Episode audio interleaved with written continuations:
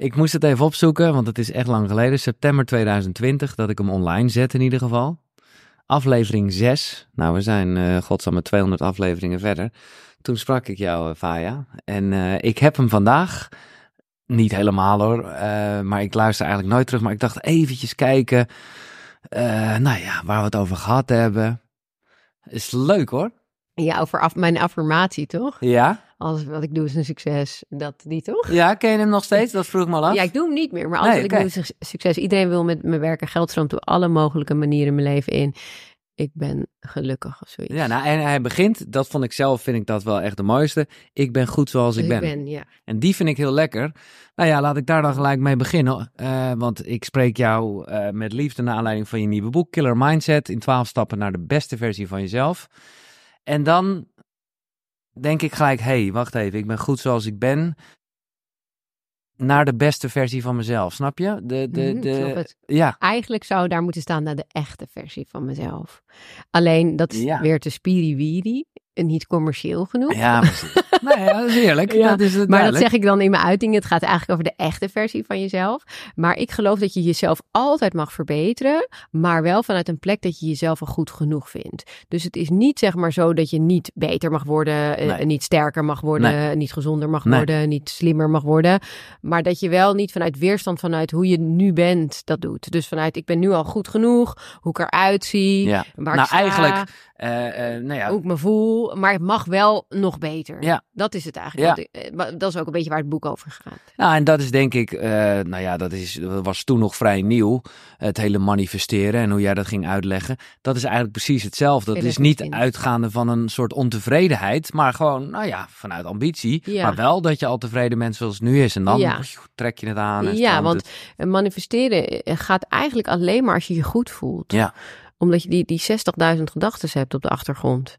Ja, en als je je niet goed voelt, zijn die vaak gewoon negatief. Ben je dat aan het manifesteren? ja, ben je dat aan het Ja, ja. manifesteren? Want men- mensen denken altijd manifesteren doe je eh, op een momentopname als je visualiseert of als je even een affirmatie doet, maar je doet het de hele dag. Je hebt staat van zijn, Ja. eh, weet je, wa- waar Ja. je over nadenkt, dat is eigenlijk manifesteren. Heel de dag. Nou ja, en jij laat ook zien dat manifesteren ook niet achterover zitten is, maar ook gewoon vragen. Ik bedoel, het is een bekend voorbeeld inmiddels. Jij hebt het zelf vaak gebruikt en ook in eh, het gesprek eh, drie jaar geleden. Van hoe jij een paard manifesteerde. Maar even voor de duidelijkheid, dat heb je wel gewoon gevraagd. Ja. Snap je? Dus Ja. dat is, dat is even En er wat... alles voor gedaan. En er alles voor gedaan. Maar wel, en echt ook dat je vader, geloof ik, zei van... eh, ja, maar dan moet je wel... eh, gratis stal, want jullie dan hebben er geen ja, geld voor. En dan ga jij overal aanbellen om een gratis stal. En dat, ja, Ja, dat, dan vind ik manifesteren ook weer gewoon.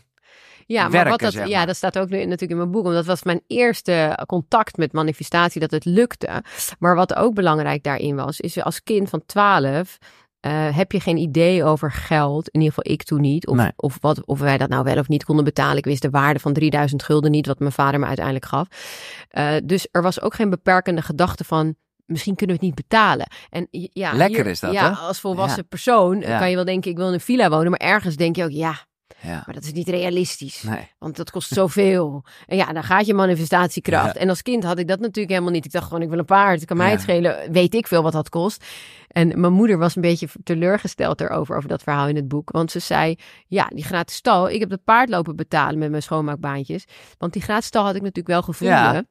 En we gaan bij ons aan de overkant. En toen had mijn stiefvader daar een stalletje op gebouwd. Het was een weiland. Maar toen bleek dat veengrond.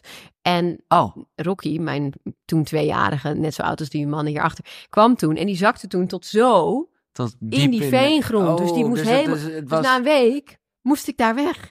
En mijn vader, die was natuurlijk met de Noorderzon vertrokken weer. Met, nadat hij 3000 euro had achtergelaten. Oh, En mijn moeder had een uitkering. ja. En Dus een, die moest... Oh, maar stal dat- kost 350 gulden per maand. Dus mijn moeder moest toen extra schoonmaakbaantjes doen. Dus ik vertel, ik zet het nu even Nou, dit had het in het boek wel mogen halen, ja. Nou ja, maar dat, ja, dat filmt zij denk ik ook. Maar het gaat over manifesteren. Tuurlijk, nee, en eh, eigenlijk zegt dat juist van... Ik had daar allemaal geen rekening mee gehouden natuurlijk. want daardoor heb ik het ook gemanifesteerd. Het was een Maar stal. mijn moeder heeft dus echt jarenlang nog die niet betaald. en weet je wat het is? Mijn vader had ik natuurlijk helemaal geïdealiseerd. Want die kwam niet Ja. 3000 gulden brengen. En mijn moeder, die kreeg natuurlijk mij als puberteit op haar dak. Dus er zaten een paar dingen in het boek... wat, wat daar wel een soort van... eh, Ben- Heb je die je later dus niet van tevoren lezen? Nee, dan? dat had ik misschien moeten doen, want ik had ook een fout gemaakt over hindoeïsme en zo. Oh. Dus het was geen hindoeïsme, het was iets anders. Die Babaji waar we dan in geloofden, maar het ziet er allemaal voor mij hetzelfde uit met Ja. een sari en een stip op je hoofd. Maar ja, dus daar had ik wat foutjes in. Maar uit- uiteindelijk eh, is het all good. Ze, was, ja, ze vond het wel mooi. En, en de mensen waar ik mijn hele jeugd ben gekomen, Tineke en Ilko, die Ja. zeg maar eh, ook de ashram hadden. En eh, ja, waar ik me echt heel veilig heb gevoeld als kind ook. Toevallig kreeg ik van Ilko, hij is een zenmeester nu. Hij doet heel veel meditatie vandaag. Oh, het is wel heel zen, je boek. Dus hij heeft het ook gelezen en eh, ja, zij, zij hebben niks aangemerkt. Dus ik, ik hoop dat iedereen blij is verder. Ja. nou, ja, het is een heel super eerlijk en oprecht boek, zoals mensen jou hopelijk kennen of, of niet, dat weet ik niet. Ik, ik nou, dat wil ik nog wel even meegeven, want dat vond ik echt top. Is, dus jij bent laatst eh, bij een webinar van mij geweest met Koekeroe. En ik deed een beetje een soort aftertalk met een klein groepje. En wat ik heel tof vond, was dat er een Belgische dame was. En die kende jou niet. Die kende jou niet als zijnde bekend poppetje. En die was zo onder de indruk van. Jij vertelde over. Nou, we zijn nu, nu bij je thuis. De oplettende kijker of luisteraar heeft al een hond gehoord. Jij had een heel ja, verhaal over je hond. En het was allemaal heel persoonlijk. En ik vond het zo mooi, want wij, Nederlanders zeg ik maar even. Wij kennen allemaal Faya Laurens. En dat kan positief zijn. Maar soms, nou ja, dat zal je ook hebben. Zullen ook mensen denken: oh ja, moet hij weer. nou ja, moet inmiddels heb, Inmiddels heb jij dat wat minder, want, want ja, nou ja, je hebt al wel een soort imperium opgebouwd, maar je was natuurlijk ook heel lang nog gewoon de soapactrice, zal ik maar Oh even ja, zeggen. ook, ja.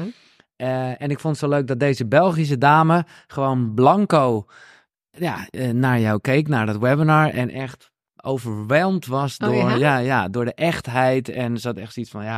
En toen kwam ze er later achter in dat gesprek met allemaal Nederlanders.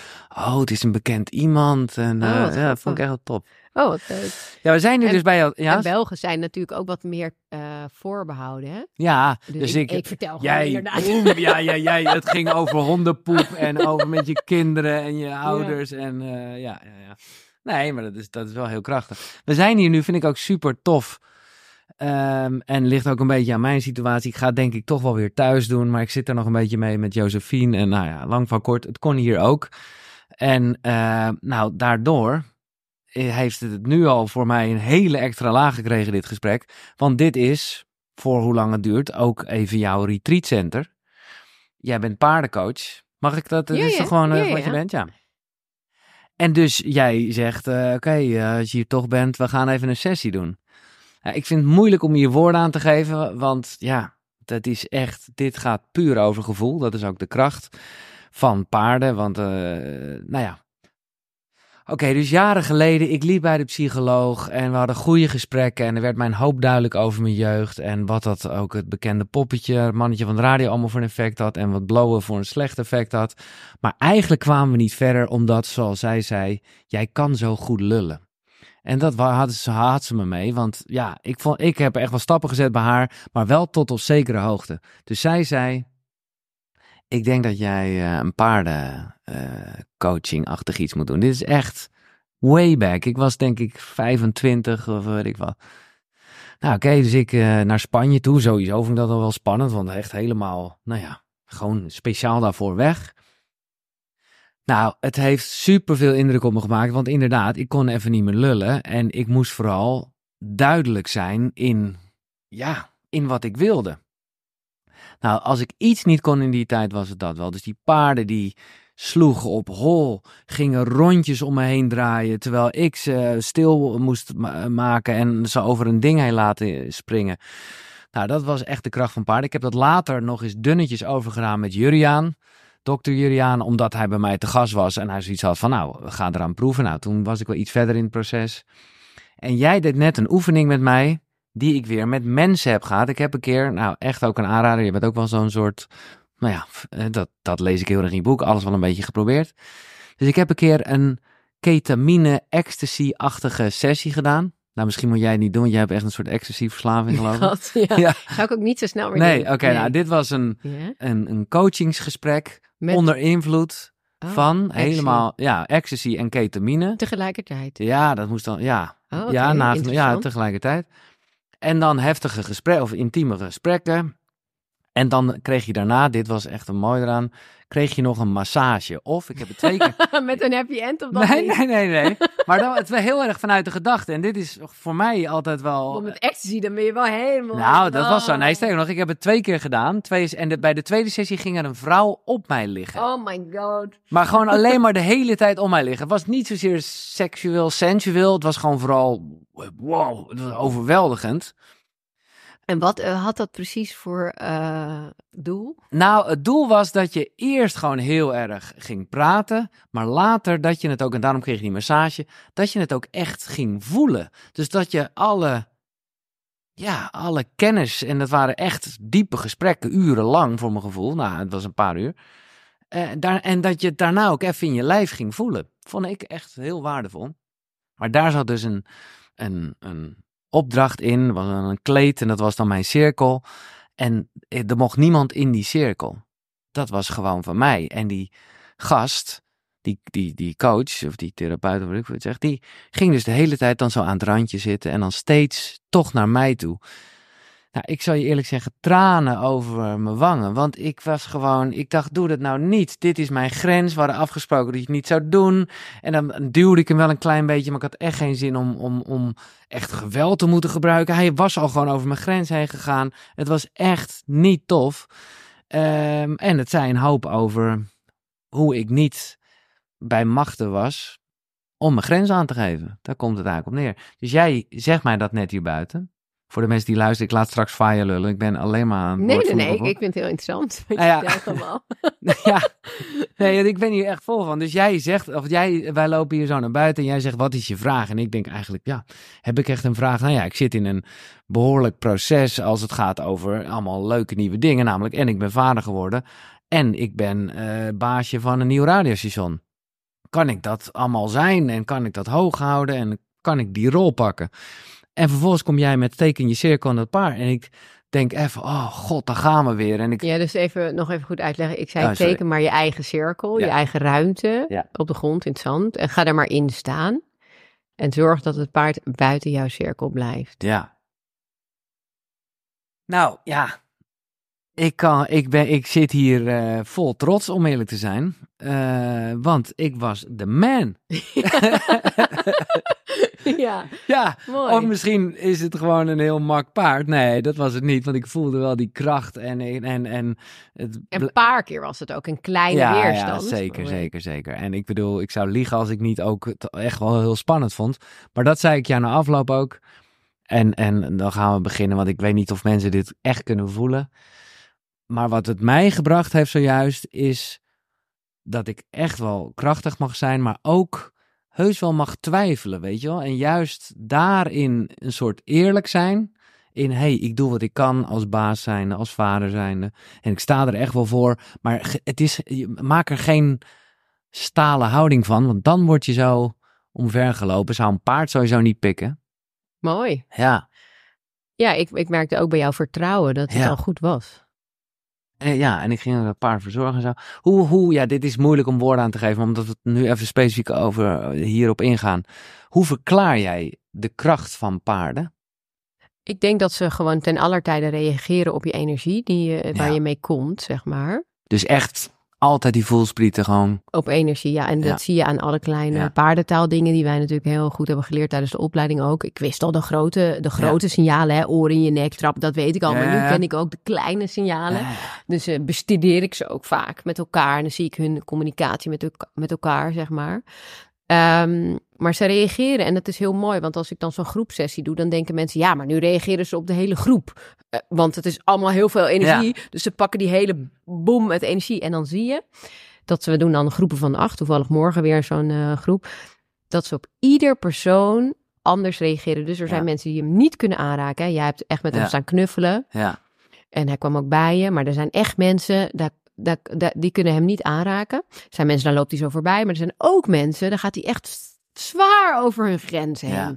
Echt gewoon, dan pakt hij hun balken weg. Want dan laat ik, eh, wat ik vandaag jou liet doen met een tekenen, doe ik ook wel eens met balken of iets. En dan die gooit hij gewoon Ja. in de lucht. En dan gaat hij dat helemaal kapot maken, weet je wel. Dan, ja, dat is... ongelooflijk. En dat Ja, is super eh, grappig, want ja. als ik dan ze zeg maar allemaal naast elkaar zet in hun eigen ruimte, dan zie je dus als zo iemand van tevoren heeft aangegeven, ja, ik vind het heel moeilijk om mijn eigen plek in te nemen in de wereld, of uh, mijn grenzen aan te geven, of uh, ik word altijd zo moe dat ik andere mensen help. Daar gaat hij echt in staan. Daar gaat hij...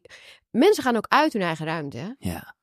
Ja, die gaan uit hun ruimte en die geven dan de ruimte aan hem. En die lopen zelf weg. Wat en alles zegt over hoe ze ja, dat in het leven doen. Ja, en mensen die dan bijvoorbeeld zeggen van, ja, ik wil meer verbinden. Ik zou wel meer mijn hart open. Dan loopt hij zo langs. Ja, maar dat is wel. dat voelde ik heel even. Dat gevoel van afwijzing. Want een paar keer heel subtiel, maar toch wende hij even zijn hoofd af. Oeh, en dan denk ik, oh, oh, oh, wacht even, waar waren wij stonden toch lekker met elkaar te zijn, weet je wel? Dat, dat... Maar dat is dan weer om op te, te reflecteren, waar gaat dat dan over? Ja, nou, ja, nou ja, gewoon heel erg dat ik, nou ja, toch ook wel, uh, nou, niet zozeer gezien wil worden. Ja, weet ik niet. Ben ik, nou, ik denk toch veel, ik denk toch de classic, ben ik wel goed genoeg? Ja. Ja. En dat brengt me bij jou, want bij jou heeft uh, en dat zat ik dan weer natuurlijk op mijn situatie als pas geworden vader te reflecteren. Bij jou heeft je vader wel ontzettende impact gehad op je leven. Ja, altijd natuurlijk je ouders. Maar ja, kan je een beetje uitleggen nou ja, kan je dat uitleggen? Wat, wat, wat voor... Nou, dat heb ik natuurlijk hier helemaal op mijn 42e uh, Connecting the Dots uh, gedaan. En dat, dat besef ik me nu dus ook. Ik heb me heel erg geïdealiseerd als kind. Wat ik, ik kreeg zo'n paard of een keyboard of dure dingen. En mijn moeder uh, heeft de, de, ja, de ellende gehad van mij in puberteit. Maar het, eigenlijk is alles wat ik hier heb, denk ik, wel gebaseerd op kijk mij en... Um, zie mij. En dat was die man die mij niet zag, die vader die mij niet zag, die gewoon mij niet kwam opzoeken. En toen ik in dat huis woonde, daar aan de Valentijnkade met die boze stiefoma en, en alles, gewoon niet kwam. En dat had ik toen niet zo door, maar uh, later wel. Want toen hij dus doodging, toen zei hij ook tegen mij, ik heb nog voor hem gezorgd tijdens zijn sterfbed, zeg maar. Hij belde mij wel echt dat hij kanker had. En uh, ja, toen ben ik daar in huis gegaan eventjes. En toen zei hij, en toen was echt vlak voordat ik doorbrak in goede tijden. Ik had al een klein rolletje in Costa gehad. Maar toen was Britney Spears helemaal de shit. En toen zei hij, had hij zo de telegraaf met Britney Spears erop. En lag hij in dat ziekenhuisbed. En zei hij, ja, zij heeft talent, zij, maar jij niet. Tegen mij. Ja. Jij bakt er niks van. En uh, ik weet nog dat de vader van mijn dochter toen langskwam met mijn dochter. Want die had ik dus bij haar ge bij hem gedaan. Omdat ik dus twee weken bij mijn vader zat. Mhm. En dat hij zelfs over Ier, die was toen één, denk ik. Of twee. Die was een beetje door het huis heen. En dan zei hij ook, ja, bij haar zie ik het. Zij heeft pit, maar jij niet. Ja. En dat vond ik zo erg. Ja. En later, toen was ik echt, hij was dood. En ik volgens mij ben ik vier weken later, zat ik in goede tijden of zo. En toen was ik zo teleurgesteld dat hij dat niet heeft, ja. heeft mogen meemaken. Ja. Maar um, nu zie ik echt in dat alles wat ik heb gedaan in mijn hele leven, erkenning en goedkeuring en gezien willen worden, was door hem. En dus ook was het dus ook letterlijk nooit genoeg, want hij kon dat niet meer nee, doen. En het was dus niet genoeg. Dus toen ik hier op een gegeven moment ook in dit huis stond, weet je wel, en dat kantoor daar en al die mensen, dacht ik, wanneer ga ik me nou een keer goed voelen? Wanneer komt dat gevoel dat je het goed hebt gedaan of dat je het genoeg is? Dat kwam maar niet. Nee, nee want ik, ik moet zeggen, en ik vond het wel een soort spirit hebben, ik hou ervan. In het gesprek wat wij hadden, was het echt nog gewoon dat jij je bedrijf voor 100 miljoen of weet ik veel wat. Was dat voor... toen al in 2020? Ja, volgens mij wel ergens, ja. Ja. En dat was echt, en nogmaals, het is, het is, een soort loffelijk streven en ik had niet het gevoel dat je, hè, dat het er ook echt om ging. Maar het was wel alsof het dan met zoveel... Maar dat zie ik nu in. Dat dan is er nog steeds niets veranderd als dat gapende gat wat hier zit. Ja als je dat niet vanuit nee. jezelf kan opvullen, het gaat nooit genoeg zijn. En ik zie het bij hele rijke mensen. Want als je het ziet, kan je het niet meer niet nee. zien. Dan zie je het echt bij de rijkste Sneu is mensen. dat. Want dan vind ik het echt een beetje sneu. Want dan denk ik, gast, ja. biljoenen, lul Ja, maar je, je, ze hebben het innerlijk werk niet gedaan. Dus dat geld, ja, dat, dat, dat, is, dat stelt niks voor. Want dat ik ben niet goed genoeg thema zit nog vol ja. op de voorgrond. Of soms angst voor tekort. Bij mij was het ook wel. Het was een soort van, ik... Uh, ik doe er niet toe. Ik hoor niet bij mijn familie, dus hoor ik er wel bij. Uh, ik word niet gezien. Maar ook een stukje angst van. Uh, ik wil niet arm zijn. Dus het rijk willen zijn kwam voort uit bang om arm te zijn. Ja. En niet Ja. uit, Nee. oh, ik wil geld. Maar Nee, gewoon zo bang dat je, dat je ook Ja. niet weg kan bij een man terwijl die je slaat of zo. Nee. Omdat je afhankelijk bent. Zo, dat soort angsten zaten daar allemaal onder. En hoe kijk je daar nu op terug dan? Want ja, hoe je het went of keert, het is gewoon echt niet tof dat eh, hij dat eh, gezegd heeft. Nee. Eh, maar ik heb hem wel vergeven allemaal Ja. daarvoor. Ik heb ook opstellingen gedaan. nou ja, daarom vraag ik het, dat weet ik. Want, eh, Ja, ik heb En- wel opstellingen ervoor gedaan, familieopstellingen. maar wat denk je, ja, niet om alles maar Ja. goed te lullen, maar denk je dat dit ook eigenlijk heel erg liefde was? Ja. Zelfs dat wat hij zei? Ja. Ja, Want hij wilde, hij was bang dat ik zo zou worden als mijn moeder. ja oké. Dus hij wilde mij op een, een of andere harde Antilliaanse manier, wilde hij mij een schop onder mijn kont geven, zodat ik niet lui zou worden. Ja. Eh, toen hij dood was, toen kwam iedereen op de begrafenis naar me toe dat hij altijd vol lof over Nee, mij dit, sprak. dit is het ding. Ja. Precies. En echt van Fai, hij, hij was zo trots op jou. Hij heeft altijd over jou opgeschept, over je temperament en alles gewoon, weet je. Want ik weet dat hij Ah. trots was. Maar hij heeft gewoon nooit zoiets van vroeger, of Ja. ik weet, ken dat heel Ja, dat niet, maar het. gewoon heel erg, en ik, ja, dat, maar dat vind ik wel aandoenlijk, maar het is wel, ik, ah, ik hou er zo niet van. Nee, ik denk dat je het niet je kind moet aandoen. Nee, toch? nee. Nee, maar weet je wat het is? Het is opvoeden is heel erg moeilijk. Ik zit er middenin nog met mijn puberzoon, die ook weer tegen mij zegt: Wanneer is het genoeg? Dan denk ik: Hè? Ik doe nooit iets goed. Hè? Ik zeg juist tegen hem de hele tijd: Je kan het zo goed, jij. Ja. Doe je best. Ik weet dat je het in je hebt. En daarmee hoort hij. Dus wat ik nu doe, is niet goed genoeg. Hmm. Snap je? Ja, dus dan doe je het eigenlijk, ondanks dit hele Ja. bewustwording, doe je toch een soort van... Hetzelfde. Ja, Maar iets anders. Dus, nou, en toen hij, en hij werd echt een keer heel boos. Wanneer is het een keer goed genoeg? En toen kwam het zo uit zijn tenen. oh. Toen dacht ik, hè? Ik zeg altijd dat je talent hebt en dat je het kan. Maar ja, dat is dus dat hij denkt, nee, ik moet, ik moet het doen. nog beter Oh, doen, oh, weet je wel. oh, oh, oh. Oh, en eh, nu, maar ik denk ook nu de hele tijd, oké, het is de puberteit. Het telt tien, het is de puberteit. Ik was ook zo. Ik heb het nu gewoon mijn kind teruggekregen, weet je wat ik Ja, ben. Het ja, is gewoon, Ja, ja, Nou, je krijgt gewoon terug Spiegel, ja, tuurlijk. Maar ik merk wel, en het logisch, want het is, het raakt je als een malle. Ja, ik vind het heel moeilijk. Ik vind het echt verdrietig gewoon. Ik, ik, ik dacht dat mijn dochter aan het puberen was geweest, maar dat is, dat is echt Nee. niks geweest. Niks. Nul. Nu- 0,0 procent met mijn zoon. En het is gewoon verdrietig, weet je. En ook eh, omdat ik merk hoe boos hij op mij is. Ja. Hij is gewoon boos. Ja, maar dat moet, ja, dat, moet toch even. Ik bedoel, wat was jij van kind dan? Ja, ik bedoel, ik ja. denk, maar kijk, ik was ook boos op mijn moeder, omdat mijn vader er niet was. ja. En nu denk ik, oh mam, wat heb ik je aangedaan? ja, Kijk, zijn vader is er ook niet meer. Nee. Die is dan ook overleden, weet je wel. dus hij heeft, hij kan ook boos zijn omdat zijn vader er niet meer is. Boos zijn omdat we hier in Purmerland wonen waar die, waar die niet komt. Omdat om halfweg de bussen hier niet meer komen, komen, weet je wel. Hij is nu boos even op gewoon op alles. Ah, ja, ah. maar ja, dat is wel dat ik eh, denk, oké, nee, het is, gaat niet over mij. Nee. Trek het je niet aan.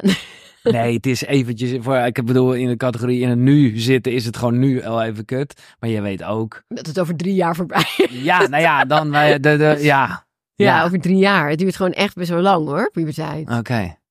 Nou, dat, eh, oké. Nee, ja, want ik zit te denken, al, ik wil niet de hele tijd teruggrijpen op dat gesprek. Eh, 2020, toen was volgens mij je dochter een beetje in de puberteit, kan ik me herinneren. Ja, het zou best kunnen. Maar dat was dus echt, als ik nu terugkijk, mag Was ik dat niks. nooit meer puberteit noemen. Nee. je hebt daar nog een boek over geschreven. Ja, een puber over seksuele, Ja. seksuele voorlichting. Ja, dat vond ik dus het allerergste bij mijn dochter. Dat er vriendjes kwamen dat er opeens seks was gedaan. Dat was ongeveer, daar, daar viel ik bijna van flauw. Maar dat was het. En dat was het meest Dat was het Ja, gewoon. ja. En dat waren twee een beetje foute vriendjes. En voor de rest is ze nu gewoon weer terug naar de jeugdliefde. En heeft ze een fantastisch Nee, veilig gezin. Ja, want zij ging met hem vanaf groep 8 wauw. En toen is ze heel even, eh, toen, en dan ook nog van de 16e tot de 18e met hem. En toen is ze heel even uit elkaar gegaan. Toen heeft ze twee vriendjes gehad die dan wat stoerder en wat vervelender waren. Waar je als moeder dan denkt van, oh, wat erg. En dat was het. En toen is ze gewoon teruggegaan naar Ruben. En daar zijn ze, ze zijn super gelukkig. En als je Ah. kijkt nu naar Loen, mijn kleinkind, mega veilig gehecht. Je ziet het gewoon wel. Wow. Dat als je zeg maar de aandacht geeft, allebei aanwezig bent. Hè? Want sommige Ja. vaders zijn er wel, maar die zijn niet Dan aanwezig. zit je op je telefoon. Ja, nee, eh, hun zijn echt aanwezig. Mooi. En zoveel trots en ze duiken er zo in. En een chiropractor is normaal en een natuurarts is normaal. En eh, meditatiemuziek is normaal. En uh, hoogfrequentiemuziekjes staan erop. En bij hem is het ook, want als hij dan hier is op donderdag, moet ik soms de paarden eten geven. Maar dan zet ik hem in de box voor het raam en dan ren ik. En hij weet gewoon, je komt terug. Hij, hij huilt Nee, nooit. Je legt hem nee. in bed, je haalt hem uit bed. Hij huilt niet. Hij weet gewoon dat hij veilig is. Ah, mooi, wees trots van je, want Ja. dat heb jij ook gemaakt en gefaciliteerd. Ja. En, en, en, en nou ja, dan hoeven, bedoel, ja, ik wil heel geen slechte opmerking maken over jouw liefdesleven, maar laat ik het zo zeggen, je, do- je dochter nee, doet heeft het het goed. heel goed gedaan. Ja, Ja, ja. Eh, nu is daar dit boek. Wat echt een grap is. Ik zit, eh, nou ja, oké, laat ik dat eerst even zeggen. Eigenlijk door jouw boek eh, te lezen dacht ik wel weer van, oh ja, ik, eigenlijk was ik hier van plan om alleen aan te komen en dit allemaal weer zelf op te bouwen. En ik las jou en, en ik dacht, oh, nee, moet ik helemaal niet doen. Dus ik ben blij dat Jorik hier een beetje de shit ook heeft geholpen. Maar ik ken heel erg de, de hulpvraag. Mhm. Alles alleen willen doen. Alles alleen willen doen en eh, vreselijk. Het is ook gewoon, het is, ja, het, want het, ik kan er, ik zeg het nu met een soort lach, maar het is, het is helemaal, ja, het is helemaal niet, het is, het is een soort vage controle en, eh, en dat kan je er wel een soort kick geven. Als je het allemaal alleen hebt geflikt, maar het is gewoon niet handig. Eh, Nee, en, en eerlijk gezegd ook, eh, je groeit op een gegeven moment ook niet meer. Nee. Je hebt wel ook andere mensen nodig. Precies. Nou, anyway, ik zat met Jorik dus hier naartoe. En, en hij zei iets waarvan ik dacht, ja, dat is wel waar. Over een, een soort van, ja, wel vet dat zij gewoon nog steeds, eh, nou ja, nu over dit onderwerp een boek schrijft. Toen dacht ik, ja, nee. eigenlijk als je gewoon helemaal eh, business-wise had gekeken, had jij helemaal, en je, je zit ook nog steeds, bedoel, ik, ik neem nog steeds je cheesecake eh, reepje met liefde. eh, Nen, hou eens op. dus dat doe je nog steeds ook wel, de, de, de killer body nutrition vibe. Maar ik vind het zo top dat je... Ja, Zo. sorry hoor. Is er iemand? Of is dit een gevoelig onderwerp? Nee, nee. nee Jason, nee, Nenna is gewoon een stokert. Hou nu op. Nenna, kom eens hier. Nenna stookt de hele boel op. Kom eens hier, Nen. Nu klaar. Trut. Ja, kijk, ergens denk ik, en ik weet het, bedoel, het kan hand in hand gaan. Maar je zou een beetje kritisch kunnen zeggen, met dit boek in de hand slaan die andere boeken nergens op. Ehm. Ehm, nou ja, eh, daar, ja, dat zou je kunnen zeggen. Ja, Maar als je eh, diabetes type 2 hebt of zelfs type 1 en je hebt een hele ongezonde lifestyle, is eh, Killer Body Dieet. En inmiddels is die ook al herschreven. Ja, Killer Body ja. Lifestyle, daar heb ik al dingen aan toegevoegd over mindset. Ja. In principe, Killer Body Lifestyle is het vernieuwde Killer Body Dieet, dus met mindset toegevoegd. Ehm, heb je wel een handvat nodig over wat is gezonde eten en tuurlijk. gezonde Nee, dat is ook zo. hè? En daarnaast bewegen is natuurlijk altijd heel gezond en er staan thuistrainingen in. Ja. Ehm, alleen ik geloof niet dat. Ik geloof wel dat als je hier niet gezond bent, Precies. dat dat veel ongezonder Dit zweeft er is. eigenlijk een beetje boven als een soort basis. En ik, Ja. dat wilde ik eigenlijk zeggen. Jij had, als je alleen maar aan marketing had gedacht, had je godsamme elk jaar Ja. een nieuwe killer body. Ja, eh, net een sojabakker, zeg maar. ja, nieuwe eh, receptjes. 100.000 En, eh, boeken per ja, jaar. ja, ja, ja, ja, ja, ja. Ja, Dus daarom vind ik dit wel echt. Ja, ja, ja, nou, maar dat respect. was, ik wist het eigenlijk meteen. Ik wist meteen toen dat boek zo'n succes wa- was en ik al die DM's kreeg, of die berichten toen en in de klantenservice van mensen die zichzelf dik en lelijk vonden. En ook mensen die dus helemaal waren afgevallen en het niet zagen in de En nog steeds niet goed genoeg. Nee. En toen Nee, dacht nee. ik, hè? Ja. Dit moet heel anders, weet je wel. Er zijn gewoon, is eigenlijk gewoon een hele grote groep wat continu in, in een soort patroon terugvalt. Er is een hele grote groep Ja, dus je hebt... die je, begint, maar nee, wel precies. Ja. Dus je hebt de, de, de, de twijfelaar, de opgevers Ja. en de doorzetters. En dat zijn een beetje... Ja, nou, je hebt de, nou ja, de twijfelaar. Nou, er is gewoon een groep, groep die, die koopt zo'n boek. En die wil afvallen, maar die begint nooit. Nee, En die denkt, ik kan het toch niet. nee. En dan is er een, een groep die het met een mindset even volhoudt. En daarna weer helemaal terugvalt. Ja. Omdat die eigenlijk niet naar de kern gaat. nee. maar het is meer een soort tijdelijke wilskracht eigenlijk. Ja. ja, ja En dan heb je een, eh, een groep die er misschien wel echt een lifestyle van maakt. Maar die gaan echt naar binnen. Dus die gaan echt denken, waarom eet ik zoveel? En dit kan je natuurlijk op eten betrekken, maar op alles. Hè? Dus met werk, eh, Ja. met, je, met kinderen. Je wilt het anders doen, maar je gaat toch elke keer weer schreeuwen tegen je Ja. kinderen. Waar gaat het allemaal over? Weet je? Kijk, ook met mijn kinderen heb ik dat ook allemaal onderzocht. Van waarom triggeren mijn kinderen mij? Want een, jij bent een ouder. En als ouder mag je wel boos doen. Van nou is het genoeg, maar je mag Mhm. niet... Nee. Je mag Nee. het niet voelen, zeg Nee. maar. Want dan heb je, je, neem je je eigen shit mee op dat kind. En dat, dat heeft het kind helemaal geen, niks mee te maken. Dus ik merkte in mijn, vooral met mijn opvoeding van mijn dochter, en dat is heel sneu, dat, ik, dat zij dan nog heeft moeten zien, die, die variant van mij, dat ik echt persoonlijk getriggerd werd. En daar heb ik wat aan gedaan. Dus ik heb EMDR gedaan. Dus nu, ook met mijn zoon, natuurlijk, het is nog steeds verdrietig, Ja. maar ik ga niet meer, Nee. Nee, weet je wel, nee, bij hem hoef ik dat ook niet te doen, maar dan wordt het Kan. ja, dat. Dus je moet gewoon, en dat is echt je patroon willen doorbreken. Ja. Echt willen veranderen. Eh, je kan wel een dieet doen, maar als jij daarna weer begint en dan weer dieet en weer... heeft geen zin. Dus waarom eet je? Wat zit eronder? Welke laag? En dat kan ook, dat hoeft niet altijd trauma eten te zijn of stress eten. Het kan ook zijn dat jij als kind gewoon hebt geleerd dat je altijd je bord moest leeg eten. En dat je daardoor niet voelt wanneer je vol zit. Dat je Mhm. helemaal dat niet hebt aangevoeld. Ja, kijk, een belangrijk eh, punt in, in jouw boek is eh, ja, je blauwdruk. Ja, En dat, nou ja, dan schrijf je ook, je blauwdruk is de mentale en emotionele basis gevormd door je ervaringen, opvoeding en omgeving. En toen dacht ik nog even, want daar ben je ook vast wel bekend mee.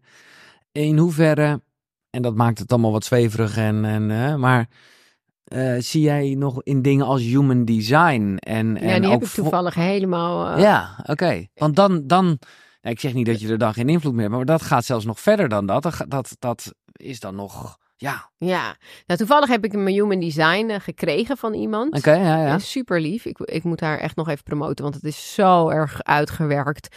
Tot in de details. Zoveel pagina's. 86, Hoe heet ze? Glenda? 86 pagina's. Ik weet dus eigenlijk niet, nu even niet meer hoe ze heet. Ik denk het wel. Ja, maar echt niet normaal. Eh, maar ik, ik, zij appte steeds, wat vind je ervan? Ik zeg, ik moet nog even lezen, ik moet nog even lezen. En eerst dacht ik, hè? In dat human design stond precies mijn coping. Mhm.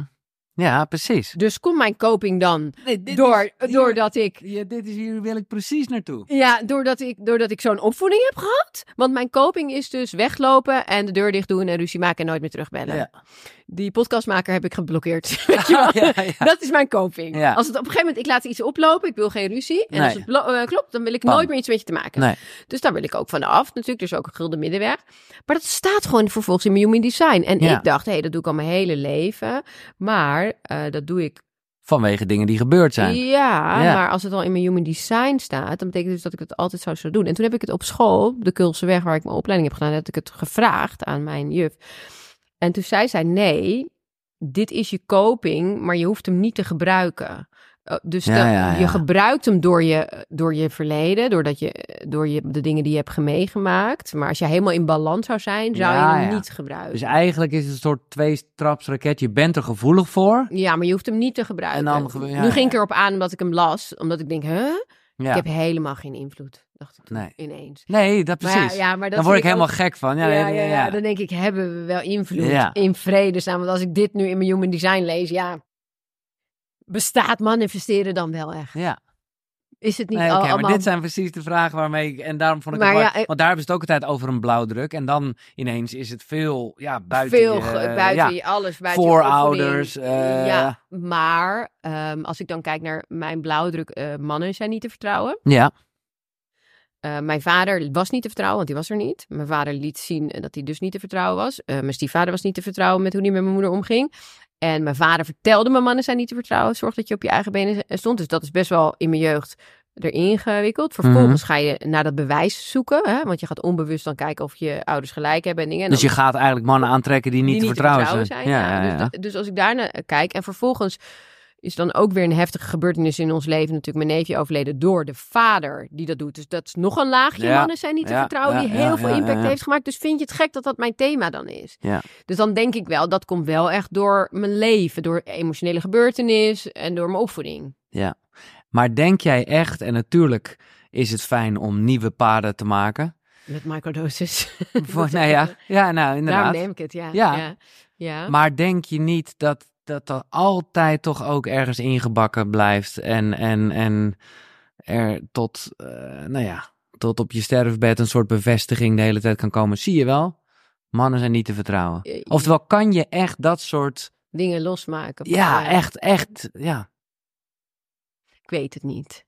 Want zeg maar, ik kijk heel anders naar mijn lichaam als in 2015. Toen vond ik mijn lichaam niet goed genoeg. Toen met dat boek. Toen, Ja. wou- toen dacht ik altijd dat ik bespierder moest zijn en eh, geen putjes meer mocht hebben. En dat ik dan pas goed genoeg was. En ook op mijn allerstraks vond ik het nog steeds niet mooi. Eh, dus ja, daarom ga, eh, schrijf ik ook zo'n boek. Omdat ik heel goed weet hoe mensen zich voelen. Ehm, dat heb ik niet meer. Nee. Ik kan nu echt, gisteren naar de sauna ben ik gaan met mijn putjes gewoon lopen. En denk ik, vroeger had ik nooit met putjes in de sauna gelopen. Nee. Dat ik dacht, dacht, waar is mijn handdoek? Zeg Ja, maar. ja, ja. ja. Dus dat heb ik wel aan gewerkt. Maar laatst met liefdesverdriet was ik dan wat kilo's minder. En toen vond ik dat toch mooier. ja, dus het is er nog wel. Ja, ik ja, dunner vind ik mooier. Ja, ja, ja. En dan voel ik me toch wat lekkerder. Maar ik heb, dus het blijft denk ik wel een thema. Ergens. Een beetje. Maar ik heb er wel ik heb het wel afgeleerd om mezelf af te wijzen of mezelf niet mooi genoeg te vinden omdat ik niet Ja. helemaal strak ben.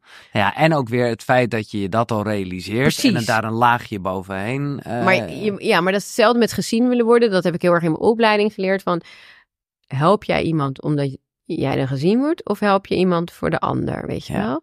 En daar blij- blijf, moet je gewoon scherp op blijven. Ja, maar ik denk, ik vind het mooi, want ik, en het maakt soms niet heel erg uit, ik, maar ik denk dat heel veel coaches eh, of mensen in de zorg dat toch ook wel vooral doen. Om hemzelf beter te Ja, en nogmaals, als ze daar ook mensen mee helpen, eh, is het, ja, dan snijdt het mes aan twee kanten. Ja, maar bij coaches is dat wel een dun lijntje. want- Gevaarlijk, ja. Ja, want die hebben dan heel vaak gewoon projectie of tegenoverdracht in, als een coach voor jou gaat invullen wat iets betekent. Mhm. Kijk, ik had ook allerlei dingen kunnen gaan aandragen net. Ja. Maar dat is niet aan mij. Nee. En dat doen nog wel heel veel coaches. Nu Ja. ik zelf een coachingopleiding heb gedaan, echt, zie ik dat nu. Want Ja. je kan niet iets voor een ander vertellen wat het is. En Nee. helemaal niet voor zo'n kwetsbaar persoon. Want die gaat het straks nog geloven ook. Dus je moet het wel altijd bij de coachie laten. Wat het voor diegene betekent in de paardencoaching sessie. Maar ook überhaupt. ja. Want dat is allemaal je eigen ervaringen. Je eigen filters wat je Ja. dan op de ander projecteert.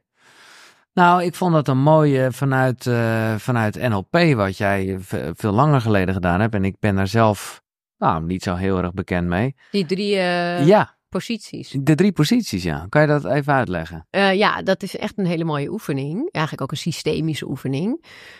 Ehm, nou ja, bijvoorbeeld, ik heb nu een, een, een, een, gewis met mijn podcastmaker. En ik ben nu even een beetje boos, eh, eh, teleurgesteld, laat ik het zo zeggen. Nou, in die boosheid kan je dus, een, je legt drie blaadjes neer. Dus Ja. je legt mij neer en je legt de podcastmaker neer en je legt de meta-variant neer. Ja. En dan ga je Dat is de helikopter, zeg ja, dat is de helikopter. Ja. Gewoon de drie blaadjes, Ja. de namen er zo op, zeg maar. Nou, en dan ga je dus eerst even op jezelf bijvoorbeeld staan. En dan voel je die boosheid en dan kijk je hierheen. En dan zeg je, en dan denk je, nou, ik vind dit en dit en dit en dit. Maar dan ga je daarna op hem staan. ja, En dan ga je vanuit hem naar mij kijken. ja. En dan ga je dus helemaal inleven in hoe hij Ja. naar de situatie Maar dit is kijkt. lastig, want ik bedoel, eh, in dit specifieke voorbeeld, je haalt het zelf aan. Ah ja, ik ken dit vanaf eh zijlijn enkele seconden voordat we begonnen. Maar nou oké, laten we het gewoon nu even doen. Wat is er vanuit hem? Hij heeft gewoon zijn werk niet goed gedaan, toch? Of, eh, Nou ja, kijk, ik vind dat hij zijn werk niet Ja, goed dat- heeft dat gedaan. jij, ja. ja. ik, want hij heeft het niet op tijd ingeleverd, laten we het zo hou- houden. Eh, en hij eh, vindt dat hij eh, niet goed is ingelicht. Ah ja, oké. Hij heeft, ehm, laten we ervan uitgaan dat we allebei chaotische mensen zijn. Dat kan de meta-variant zien. Dit is Ja. de meta. ja, precies. De meta ziet, oké, jullie zijn allebei chaotisch. Ja. Dat is zo. Dat is echt zo, want ik ben ook heel chaotisch.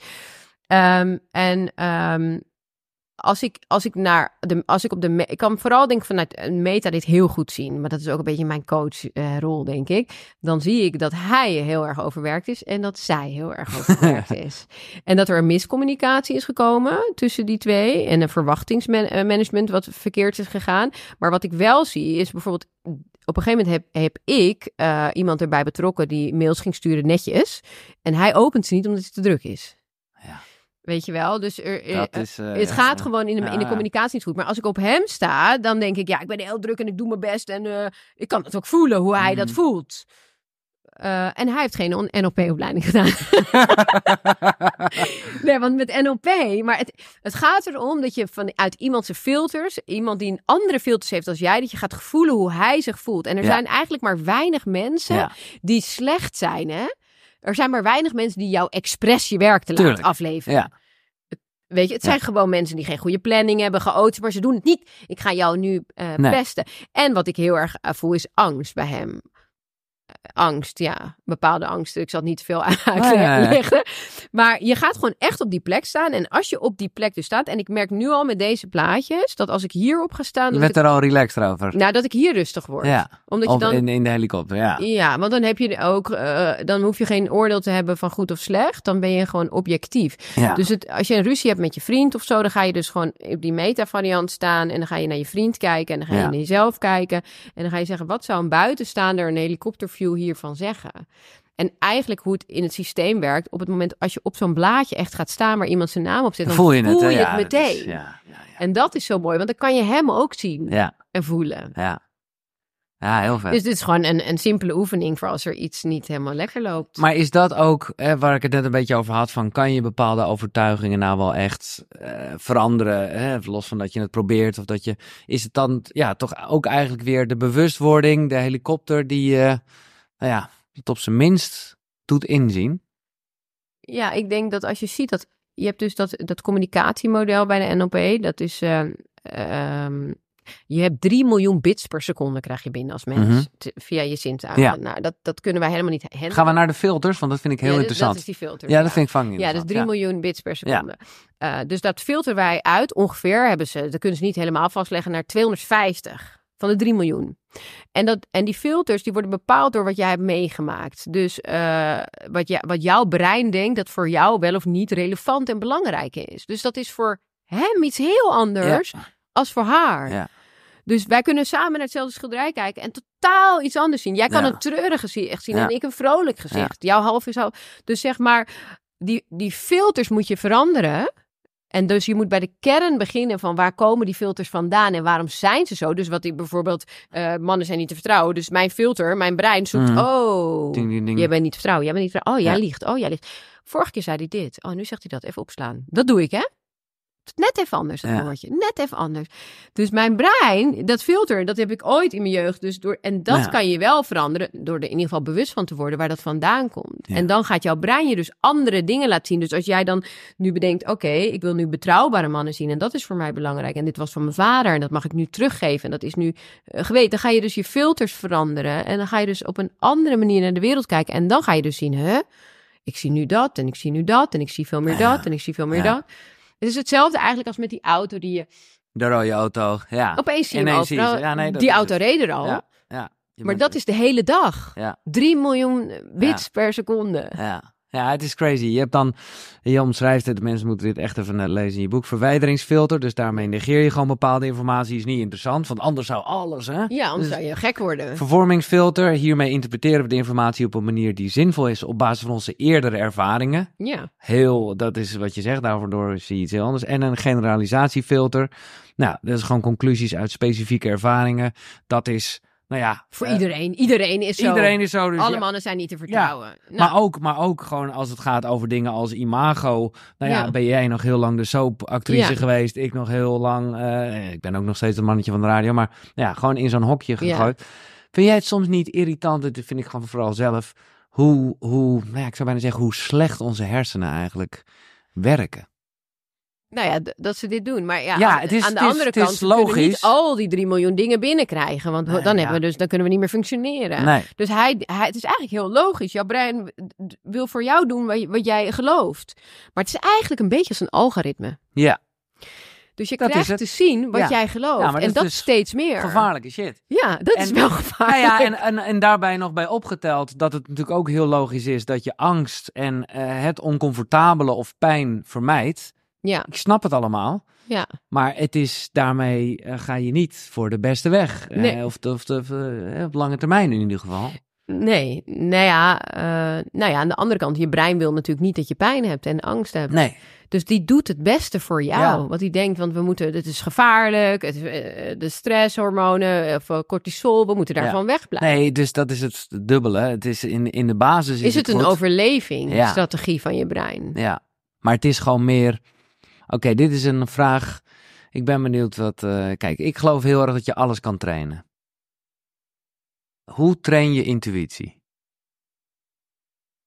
Ik zei toevallig vandaag tegen iemand, de, het is zo'n dun lijntje, tegen, eh, vind ik, oh, oh, je voelt je intuïtie, maar het kan net zo goed een trauma zijn. Nou, dit is letterlijk wat jij in je boek ook Ja. hebt. En dit vind ik fucking interessant. En ik weet niet, ik heb het nieuwste boek van Els van Stijn nog niet gelezen, maar wel een beetje Vier doorgebladerd. ja. en daar zit dit ook in. En ik vind het fantastisch, maar tegelijkertijd is het ook een soort error in mijn hoofd. Omdat je denkt, ja, god, dan, weet je, dan kan je dus je eigen intuïtie niet eens meer vertrouwen, want dan kan het ook een, een verkrekt trauma, zijn. Ja, want het is een soort van onderbuikgevoel. Je weet het, maar het kan, het, het kan ook trauma zijn. Ja, een trigger. En, ja, en- iets, ja. daarom mogen wij het ook in de opleiding niet gebruiken, de intuïtie. Ja, Omdat soms het- komt er wel eens een vraag op natuurlijk, popt op. Maar in principe eh, doen we eh, eh, vooral ehm, objectieve observaties teruggeven. Ik zie het paard naar achter lopen. Want Ja, ja. alles wat intuïtie is, kan ook gewoon projectie Ja, tegenover van jezelf, ja. vanuit je jeugd dingen. Maar hoe weet- doe je dat bij jezelf dan? Even los van, ik snap Ja, dat het als coach heel, nee, maar bij gewoon... jezelf is het, vind ik het ook dus moeilijk, vooral met mannen. Ja, vind ik het echt, kan ik het soms niet eh, scheiden van elkaar. Ehm, maar het is wel zo, als ik bijvoorbeeld denk van, oké, ik moet nu rijden, want een, eh, straks is er file of zo, dat soort dingen. Ja, dat is ook toch een beetje intuïtie. Of, ja, ja, ja. Dat, ja, dat, Dat daar doe geef ik dan wel gehoor aan. Ja. Ja. Maar ik laat me dus niet helemaal leiden. Want ik heb ook heel vaak personeel aangenomen op gevoel. Mhm. Dat doe ik echt niet meer hoor. Nee? Nee. Dus je laat ze nu allemaal een test doen en... eh, ja, ja, ja, ja? ja, want Oh, het gaat bij mij niet goed op dat wat intuïtiegevoel. want ik had laatst ook iemand en daar klikte ik ontzettend mee als mens. Ja. Want het was ook een beetje een spiriwiri. Maar met, voor de sales dacht ik, gast, nee, je komt zonder computer. Dan denk je, ik ga het allemaal op mijn telefoon doen, weet je. Dus die had ik ook gewoon vol weer op dat gevoel van, oh, een klik over straling hadden we het binnen no time. En weet ik het allemaal, dacht ik, oh, fa, je stinkt er gewoon weer in. En gelukkig was het een ZZP. En zei ik, joh, ik vind je echt super tof, maar dit moeten we echt niet doen. Dat is wel tof. dat zijn wel echt stappen zetten. Ja, En nee. dan is het nog steeds, zou je er, kan je er een leuk gesprek mee voeren in Ja. de kroeg? Of, eh, Ja. ja, ja, oké. Ja. En dat is hetzelfde, dat zit ook in, in het onderdeel van de kracht van je gedachten en zo. Eh, ja, luisteren naar je hart. Is dat, eh, is dat hetzelfde als, als intuïtie? Nou ja, ik, ik denk wel als je het soms je hart vraagt, en dat doe ik gewoon echt in meditaties ook. Dus dat je, dat je echt vraagt van wat wil ik hier, ook met mijn handen en Ja, op mijn hart eh, leg. En dan wil ik het ja of nee. Wat dan binnenkomt, Ja. zeg maar. Kijk, intuïtie is ook soms een onderbuikgevoel. Ja, dat is mooi. Dat is precies een verschil eh, Ja, in en plek ook. Ja. onderbuikgevoel kan ook zijn van, ja, voorheen eh, was dit ook niet goed uitgelopen, dus nu ook niet. Het kan gewoon gemixt zijn. Tuurlijk. Maar als je dan weer kijkt naar dat boek hè, van, ehm, volgens mij heb ik daar ook over verteld, het boek Het Slimme Onbewuste van ja, Appe. ja. Ja, Ja, da- da- daar komt dan ook wetenschappelijk wel in naar voren dat de mensen die het eerste meteen De antwoorden, eerste- meteen. ja, dat is de shit, hè? Ja. Dat is het juiste antwoord. Maar goed. Maar dan heb je er niet meer allemaal sausjes overheen Nee. gegooid. Maar als ik dan weer een beetje terug eh, ga naar, nou ja, iets. eh, en ik doe het niet om erin te wrijven, maar het is gewoon een thema. Sterker nog, ik begrijp dat je nieuwste boek, dat je dat eraan gaat komen wat gaat over eh, Hartpijn. hartpijn, hè, dus over de liefde. Hoe, hoe eh, ja, als je dan naar je hart luistert. Of is dat dan toch door een... Door Ik een... ben echt zo in de war van mijn. eh, ik, eerlijk gezegd vertrouw ik mezelf niet meer in de liefde. Nee, Dat- is echt het allergrootste ding. Dat ik denk, mijn brein maakt echt verhalen. En daar trap ik dan in. Ik kan het echt niet bij de Nee, maar goed, leggen. dat is op zich precies dat waar we net over hadden. Ja. Dat is ook een beetje wat het brein nou eenmaal doet. Ja, en het past dan in het plaatje of zo. En dan eh, vink ik allemaal dingen af. Ja, maar ergens, even flauw gezegd, ben je dit ook wel heel erg aan het manifesteren. Want Ik eigenlijk... zeg het weer. Ja, Ja, ik zeg het weer. ik het eigenlijk. weer. Ja, maar ja, ik Ja, vraag er ook om. Ja, het is ook Maar- gewoon kut. Ja, en, ehm, en daar komt ook nog wel bij dat ik dus achter ben gekomen door die Martin Appelo, die zondag dan bij mij live komt, die, die podcast. Ja. Dat, is, dat is wel voor mij, eh, was het eh, echt een breakthrough, zijn boek hecht niet. Eh, omdat ik toen dacht, dit heb ik dus. Want ik Ja. had alles al gedaan. Ja. Hè? Ik had al Els gedaan, Ja. op mijn moeder aangenomen, mijn vader aangenomen, EMDR, Inner Child Healing, de hele mikmak. En nog steeds ging het dus mis bij die laatste. En toen, daarna las ik dat boek Hecht niet. En dacht ik, hè? Eerst dacht ik alleen maar, oh, dit heeft mijn ex. Oh, dit heeft mijn ex. Oh, oh nee, dit heb ik allemaal. Dit gaat allemaal over Ja, mezelf, ja, weet je wel. Ja. Dus van, En wat is, ik, ik ken het boek niet, maar... dat gaat er dus eigenlijk over dat ehm, je echt niet kan hechten. Dus Nee. je zoekt ook gewoon partners uit die... dat niet kunnen. Ja, die dat niet kunnen, die ook Ja. onveilig gehecht zijn. Dat Ja. is ook eigenlijk het meeste wat nu nog vrij rondloopt. Ja, Want die anderen zitten allemaal veilig gehecht op de bank met een vrouw al twintig jaar. Dus wat er nu nog is, dat is ook onveilig gehecht. Maar dat is ook het enige wat ik leuk vind. Want dat is die spanning die je kent uit je jeugd. En die cortisol levels. Dus dat is ook wat je kent. En anders voelt het heel saai. Dus je gaat ook op zoek naar zoiets. Maar ehm, het is een beetje een halen-trekken verhaal. Dat heel vervelend is. En ehm, dat zit heel erg in mijn hoofd. En Maar wat is de oplossing? Ik bedoel, ik ga Nou, het boek de lezen, want het voelt een beetje als, ja, als je het niet kent...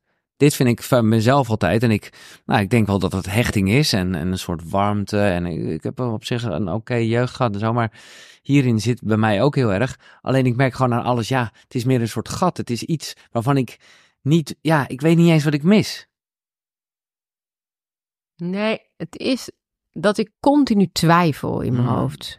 Dus eh, ik, Ja, ik en ik geef mijn hart niet echt. Dus ik hou, Oh, ik hou een, eh, een, een afstand. luikje. ja. eh, ja, en daardoor voelt die man ook dat ik dat niet geef. Ja, dus dat is veilig van twee kanten eigenlijk een soort van. Ja, en die gaat dan natuurlijk ergens anders bevestiging zoeken, want die krijgt dat niet van mij. Dus eh, ja, Oh, wat grappig, want, want voor de buitenwacht en nu zo goed ken ik je niet, laat staan dat ik weet hoe je in relatie bent, maar ik voel altijd wel een soort, alle luiken zijn open. ja, maar dat is oversharing, dat heb ik ook geleerd. En dat is een Ah. traumarespons om te Ah, connecten snel ja, met ja, ja. mensen. Dat ben ik dus nu net achter nadat ik die hele podcast mijn hele hebben en houden heb verteld. Dat is een soort, ja, ja. Dat is dus oversharing. Dus je vertelt eigenlijk veel te veel informatie voor mensen die dat helemaal niks Nee. aangaan. Nou, heel Nederland. En, ehm, en dat is dus, dat komt ook voor uit eh, onveilige hechting, zodat je een soort van band krijgt met ja, Ik ken het wel van een huisgenootje, een meisje. En, die, en dat ging dan altijd heel erg over poepen en dingen. En dat was, en, en dat was eigenlijk ook dit. Ja, je wil een soort van connectie doen. Ja. Je vertelt eigenlijk net Ja. even te veel. Ja, Maar ja, daar kwam ik eh, achter toen ik al bezig was met die podcast. En toen dacht ik, jezus, wat dat doe ik dus. Eh, dus ik moet gewoon mijn mond houden. En dat is dus best wel moeilijk voor iemand zoals mij.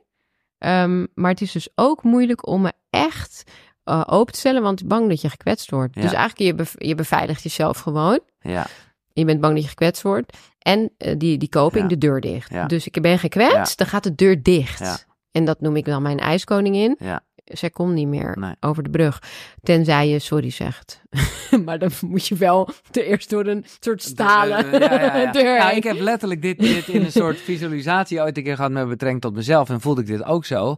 En dan was het ook gewoon dat ik dacht, waarom heb ik die vuurbal achter tralies? Want het stomme is, maar goed, het is makkelijker gezegd dan ook echt geleefd en gevoeld.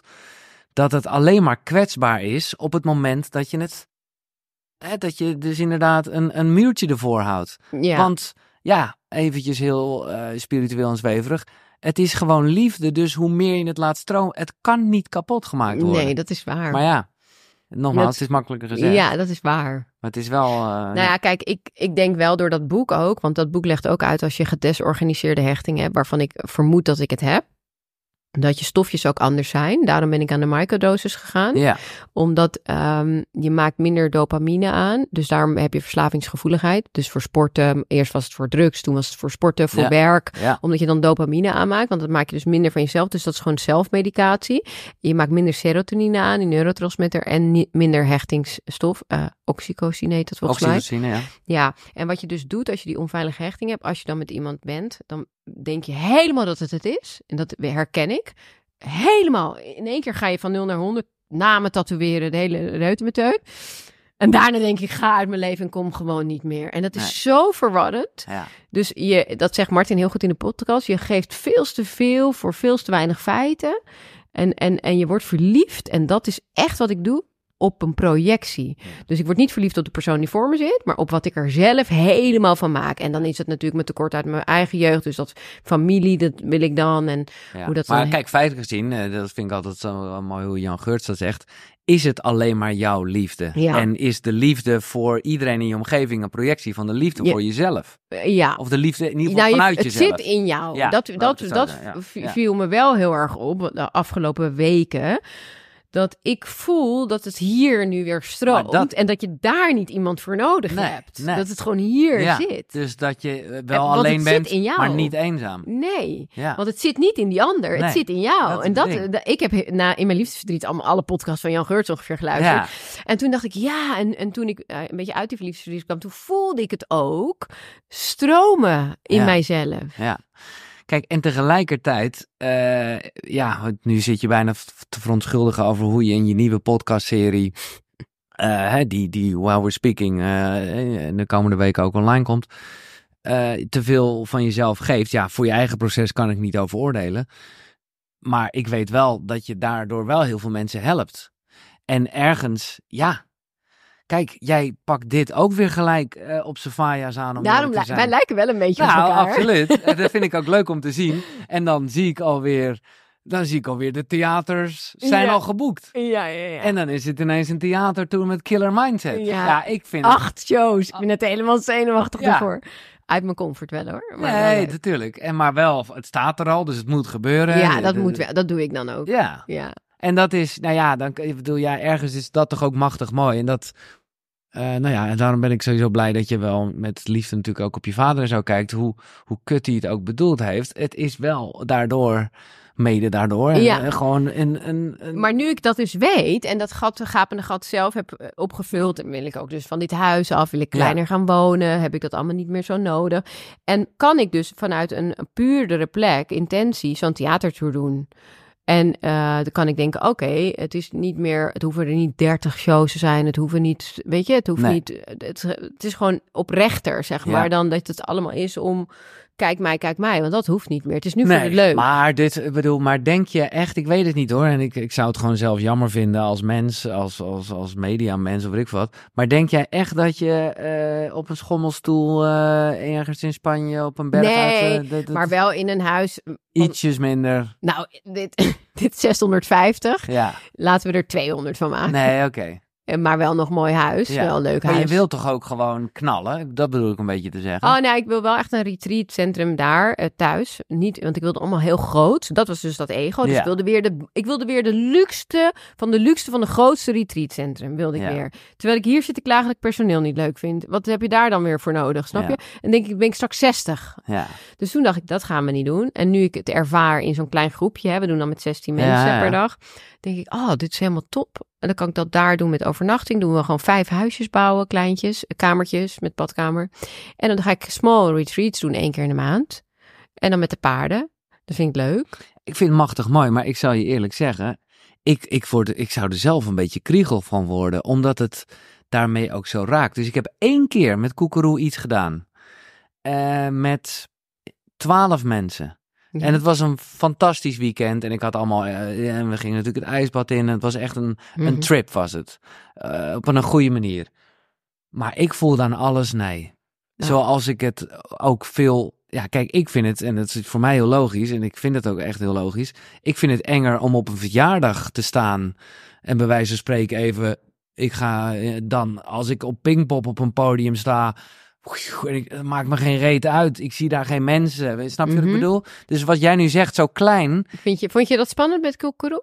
vond ik super spannend. Ah, Sterker ja. nog, ik ga het ook nooit meer doen. Zo spannend. Nou, dat heb Omdat ik ik, dus... omdat ik gewoon dacht, nee, nee, nee. Dat heb ik dus met, ja, met die lezing online bij jou. Dat ik in Ja? zo'n cameraatje moet praten. Ik praat liever voor 2000 man dan in zo'n cameraatje. Ah, ja, oké. Maar heb je dan niet bij zo'n retreat, dus dat je straks gaat doen, dat, je de- dat die mensen gewoon, ja, ik zeg ook die mensen, bedoel ik echt niet zo lullig. Maar ja, dat het gewoon te dichtbij komt, dat je dat weer op gaat slurpen. En dan Nou, het is wel grappig dat je het zegt, want ehm, ik had bij podcast eh, opname in een eh, kasteel, kreeg ik heel erg pijn in mijn nek. En er zaten honderd man eh, in het publiek. Ook veel mensen met ook een verslavingsthema. En Ja. er is ook veel gehuild en zo die dag. Super mooi dag. Maar mijn hele nek zat vast. Op, vanaf de podcast 2 al. En echt zo. dat Ik dacht, oh, en aspirintjes. Nou, toen had ik die week daarna dat retreat. En toen had ik dag één weer mijn hele nek vast. Toen dacht ik, oh, ik pak die energie over van die Tuurlijk, mensen. Dus ja, toen ja, heb ja. ik op dag twee van de retreat gewoon mijn meditatie helemaal gedaan. En mezelf helemaal in zo'n ballon gezet. En zo'n Gewoon, ja, ja, precies. Even, eh, En toen dacht ik aan het einde van de retreat, hey, ik heb geen nekpijn. Dus je moet jezelf je daar gewoon een beetje voor beschermen. Maar het mooie is van wat, het onderdeel wat ik doe binnen die retreats, is de paarden. En eh, daarnaast huur ik mensen in die ademwerk doen of andere dingen. Zoals mijn zusje doet dan dit weekend zelfliefde.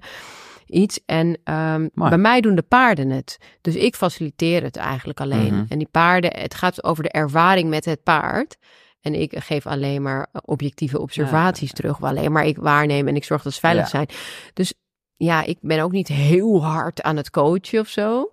Ik laat alles bij eh, die mensen.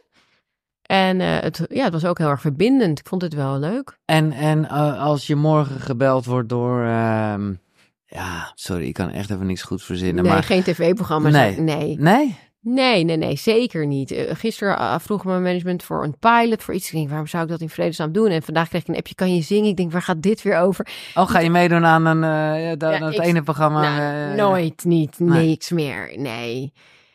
Nee? Nee, als het iets te maken zou hebben met wat ik wil doen, met Ja. Killer Mindset, of het zou een, een bewustwordingsprogramma zijn, of een retreat op tv, Retreat op tv, ja. Nee, oké, maar de... Dat zou, dat zou je ook wel bij jou Ja, passen. Dat ja, we zo'n ja. eh, koekeroe eh, Ja. versus Ja, retreat doen op, weet ik het, met mensen die dan klisma's en ijsbanen.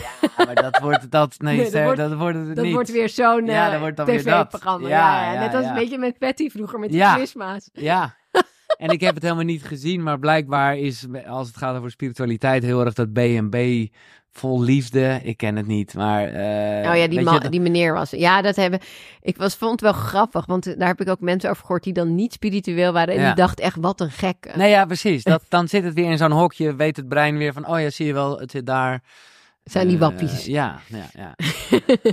Ehm, maar waar ben je, ik bedoel, ergens blijf je toch altijd verslaafd aan dopamine? Ik weet, Ja, ja. Dus dat is wat, wat er eigenlijk uitkwam, uit die, uit die, ook uit die eh therapiesessies met Martin.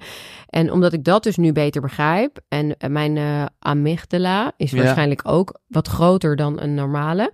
dat is in je hersenen. ja, dus om die te, duidelijkheid, re- te resetten, zeg maar, dat is waar het stresshormoon uitkomt, ben ik nu aan, aan de microdosis. Want de onderzoeken zeggen al dat dat echt ver gevorderd is. Dat Ja. microdosis dus kan... Maar blijf je dat dan je hele leven doen? Hoe werkt dat? Of dat heb zor- ik eigenlijk nog niet. zorgt het gewoon voor nieuwe verbindingen en zijn dat die- zeggen ze, ja. En ik moet zeggen dat ik, eh, ik dus ook mezelf eh, altijd alcohol gun, elke avond, twee Ja. lijntjes. En dat ik dat vier maanden lang iedere avond had gedaan, op een paar avonden na. En nu dus 18 dagen niet, zonder moeite. Dat ik, dat, ik kan het op mindset, kan ik het Ja, ook wel eens keer ja. 40, 50 dagen niet doen. Maar het gaat erom dat je er weer een nieuwe gewoonte van maakt. Dat je kan eh, reguleren je stress zonder alcohol. En dat lukt wel met die microdoses nu. Dus ik ben. En wel- heb je dan nooit, ja, dit is allemaal projectie vanuit mezelf, dat je even denkt op een dag, oh, ik neem even vijf van die doseringen. Ehm, nou, niet gewoon op een dag. Nee, Nee. maar ik vind het wel leuk om te doen. Doe ik ook wel eens. Ja. 45 gram. Ja, precies. Ja, ja, ja. Ik zou eh, gewoon, Maar niet vijf, vijf is net niet. Want als je net te weinig hebt, dat is niet fijn. nee. Dan kom je er net niet lekker in. Maar 45 gram psilocybine, helemaal top. En dat is dan gewoon wat drippen, of niet? Of ja, maar zeg maar- inzichten krijgen. Ja, nee, dat, dat ken ik wel. ja, ja. Maar gewoon nu, omdat dit dan een soort dagelijks ding is. Nee, maar ik voel er niks van. Hè? Want Nee. dat is, ik heb een keer een gram genomen. Dus dat is zo'n hele microdosis. Ja. Ik zit op een halve. Ja, Nou, toen kon ik helemaal niks meer. Nee. maar ik ging er ook op kauwen. En dat moet dus niet met oké. microdoses. Met microdoses moet je het juist opslikken. Nou, ik zat hier echt te space. En het was best een drukke dag. En kwam helemaal niks meer uit. Dus dat doe ik niet meer. nee. Maar goed, je, je- je- er zit even geen eind aan. Dit is gewoon wat je nu... Nu even, ja. Ja, ik wil gewoon echt eventjes die reset met die alcohol. En wel in het weekend zou ik straks weer willen drinken. Ja, Maar niet elke dag om te ontspannen. nee. Maar dan nog, en het is niet, eh, dit lijkt bijna een soort kruisvoor of een waardeoordeel, maar dan, dan in die end blijf je dan toch nog steeds verslaafd aan dopamine. Dat is toch wat wij allemaal een beetje zijn. Ja, maar als ik, als ik door die microdoses nou die hechtingstofjes en die Ja. stresshormoon kan verlagen en die dopamine, weet ik niet of dat verhoogt. Dat weet ik niet. Nee. Dat zou ik me nog eens in moeten verdiepen. Maar volgens mij zorgt het er juist voor dat je beter stress kan reguleren. Dus kan ontspannen meer. Ja. En ja, uiteindelijk ben je wel dopam iedereen met die telefoons, met sporten, met Exact. eh, heel de dag. Ja, ja. Nou, dat is meer. Kijk, ik vind het- het- wat ik er zo lekker krachtig vind aan het boek. Is, nou ja, in twaalf stappen naar de beste versie van jezelf. Daar hebben we toch wel de echte versie. En het is heel. Het zijn ook echt twaalf stappen. En er wordt een hoop. Ik, ik heb het al eh, echt een keer aangeraden aan iemand van de Oh, week. En dat is. Ja, omdat ik gewoon. Omdat die vroeg van. Ja, die wilde gewoon ergens beginnen. En dan kom ik met al de klassiekers. En dan denk ik. Ja, je moet Eckhart Tolle. Je moet de nog te ver. En dan denk ik. Ja. En hier. Jij, jij pikt. eh, Alles eruit. Je Ja. zit een beetje van dit in en een Ja. beetje van dat. Het is eigenlijk mijn hele reis wat ik Ja. heb gedaan, inderdaad. En, en toen kwam ik ook weer even, dat vond ik zelf dan ook leuk om te doen, eh, kernwaarden en zo. Oh ja. Maar toen dacht ik wel, en ik ben benieuwd hoe jij dat ziet, dat ik dacht, ja, kernwaarden zijn belangrijk, want dan weet je waarvoor je staat. Maar eigenlijk zit daar vaak, zit daar dus ook nog weer wat achter. En dat heeft dan veel meer met angst en zo te maken. Waarom dat een kernwaarde is. Is. Denk je niet? Nou, bij mij is een kernwaarde bijvoorbeeld eh, eerlijkheid, oprechtheid. Ook binnen mijn bedrijf, maar ook privé. Ja, wat zit er voor angst achter? Ja, dat, dat iemand niet eerlijk dan is of Ja. zo tegen je. Of dat je gekwetst wordt misschien. Maar ja, het is wel... Het is, nee, het is Wel een belangrijke kernwaarde. Ja, het is ook wel echt een kernwaarde. Maar mm, kijk, ergens denk ik... vrijheid is ook een hele belangrijk voor mij. Ja, dat zeggen veel mensen. En ik voel, ik heb dat helemaal niet zo. Nee, Nou ja, omdat ik er, maar dat, daarom zeg ik het inderdaad misschien wel. maar je bent al vrij. Je hebt- bent Ja, al eigen Omdat, baas. om- en, eh, omdat ik er niet, precies, omdat ja. ik er niet bang voor ben dat ik het kwijtraak. Omdat ik denk, Ja, Nee, ik weet dat jij vorige, vorige keer noemde jij als boek De Zin van het Bestaan. En dat is natuurlijk de essentie van, je bent gewoon vrij in je hoofd. En zo voel ik dat, nou ja, niet zo als hij, gelukkig zou ik bijna zeggen. Maar die vrijheid voel ik gewoon in mijn hoofd. Ik weet dat niemand daaraan komt. Nee. Dus ik ben helemaal niet bang. Het is wel, ja, ergens is het natuurlijk een is soort wel kernwaarde. extreem. hoe- Ja, eh, dat is... hoe- ja. Maar ehm, eh, voor mij is het belangrijk om dat op mijn vizier te houden. Omdat bijvoorbeeld wanneer je dus weer zo'n zo'n dopamine-droom voorbij komt van een, een retreatcentrum, ego-driven, Ja, ja, ja. eh 100 man personeel, dan, daar gaat mijn vrijheid. Ja. Oh nee, fijn. Ja, precies. Eh. Vrijheid is je kernwaarde. Dus die gaan we niet meer doen, want Nee. dan ben je straks 60 pas als je vrijheid hebt. ja. Eh, dus, en ik wil op donderdag op mijn kleinkind passen. En liefst nog een dag in de week. En ja, mijn dochter appt me, kan niet elke maand een, een weekendje bij je slapen. Daar wil ik ja op zeggen. Dus eh, dan, dan hou ik elke keer, past dit bij mijn vrijheid of niet? Eh, als ik dit, dit en dit ook nog op mijn bordje leg. Snap ik. Dus zo hou ik het ook zakelijk een beetje erbij, die kernwaarden. Nou ja, daar heb ik zakelijk, ben ik oprecht gevraagd, eh, waarvan ik niet had verwacht dat ik hem in de podcast zelf ging stellen, maar ik wilde hem wel voor jou als mens stellen. Wat ik echt niet begrijp, maar nou ja, Mhm. jij bent notabene zelf je uitgeverij begonnen destijds. Mhm. En ik kan me voorstellen dat het een hoop gekut was, maar goed, ja, je bent dan helemaal begonnen. Mhm. En dan kom je nu met je nieuwe boek, zit je bij Cosmos Uitgevers. Ja, nou, dat, dat staat ook in mijn boek. Eh, dat is namelijk. eh, ik, ik zat al bij Cosmos hè, Ja. voor mijn eerste boek. Ja. Nou ja, die zijn er toen natuurlijk heel rijk van geworden. Ja. Ik iets minder rijk. Ja. En toen dacht ik met mijn ego Ja. dat ik alles dat Nee, ik dat zelf kon. Ja, En, en dat natuurlijk in essentie kan je alles eh, zelf, maar kan je het goed zelf. Dus toen heb ik een paar boeken zelf uitgebracht. want je waar- een soort foutje met een i is eh, zo'n nummer. Je hebt ik heb allemaal even- foutjes gemaakt. Maar dat heb ik wel gelezen, maar dat eigenlijk snapte ik dan niet. Dan dacht ik, ja, die fout heb je niet helemaal gemaakt. Ja, oké, maar eh, je hebt ook niet het team. Kijk, Nee, wa- wat ik, wat een, in mijn ogen, een killer mindset is ook durven toegeven dat je het niet kan. Dat je het misschien niet zo goed kan. Dat je misschien hulp nodig hebt met hulpvragen. Want ik kan het wel weer doen erbij, maar ik heb al heel veel te doen. En dan, en dan moet ik de mensen die ik heb van alle projecten afhalen om weer boeken te gaan verkopen. Terwijl een uitgever precies weet wanneer een folder uitkomt, hoe ze het bij de boekenhandels krijgen. Die hebben daar een heel team voor, die hebben een Ja. sales team. Dus eh, doordat ik drie boeken zelf heb uitgebracht, en die hebben het ook goed gedaan, maar niet zo goed als de boeken die ik met Cosmos had gedaan, wist ik gewoon, oké, fijn, dit had je beter niet zelf hoeven te doen. Nou, wel om ervan te leren Ja, dat ja. de uitgever wel degelijk ja. eh, meer weet dan dat ik weet. Dus ehm, ik heb toen eigenlijk gewoon eh, ge- toegegeven dat ik het beter met hun kon doen. Maar ik heb ze natuurlijk wel even gevraagd om een ander percentage. Nee, oké. Ja, dus dit was echt zo'n vakantie kwam, dacht ik echt zo van nee, nu ga ik dit boek schrijven. Ja. Dat was al drie jaar wel dat ik dacht ik wilde het boek schrijven. Maar ik vond het ook wel belangrijk om zelf nog coachingopleiding te hebben gedaan. En toen zei ik, ehm, Melanie, wil je nog een boek doen voor 50, 50-50 deal? Doe je ook 50-50 deal, zei ik. En toen zei ze, ja, nee, voor jou natuurlijk wel. Ah, mooi. Nee, maar dat is... Ja. En ik vind het heel mooi, daar wil ik straks ook mee, eh, nou ja, soort van afsluiten, wat, wat dan inderdaad die killer mindset betekent. We hebben allemaal een beeld daarbij, eh, maar je hebt net al een soort ander licht op te laten schijnen. Maar even nog over het boek vroeg ik me af, vond je het zelf of vind je het zelf heel belangrijk? Voor die wetenschappelijke dingen? Ja.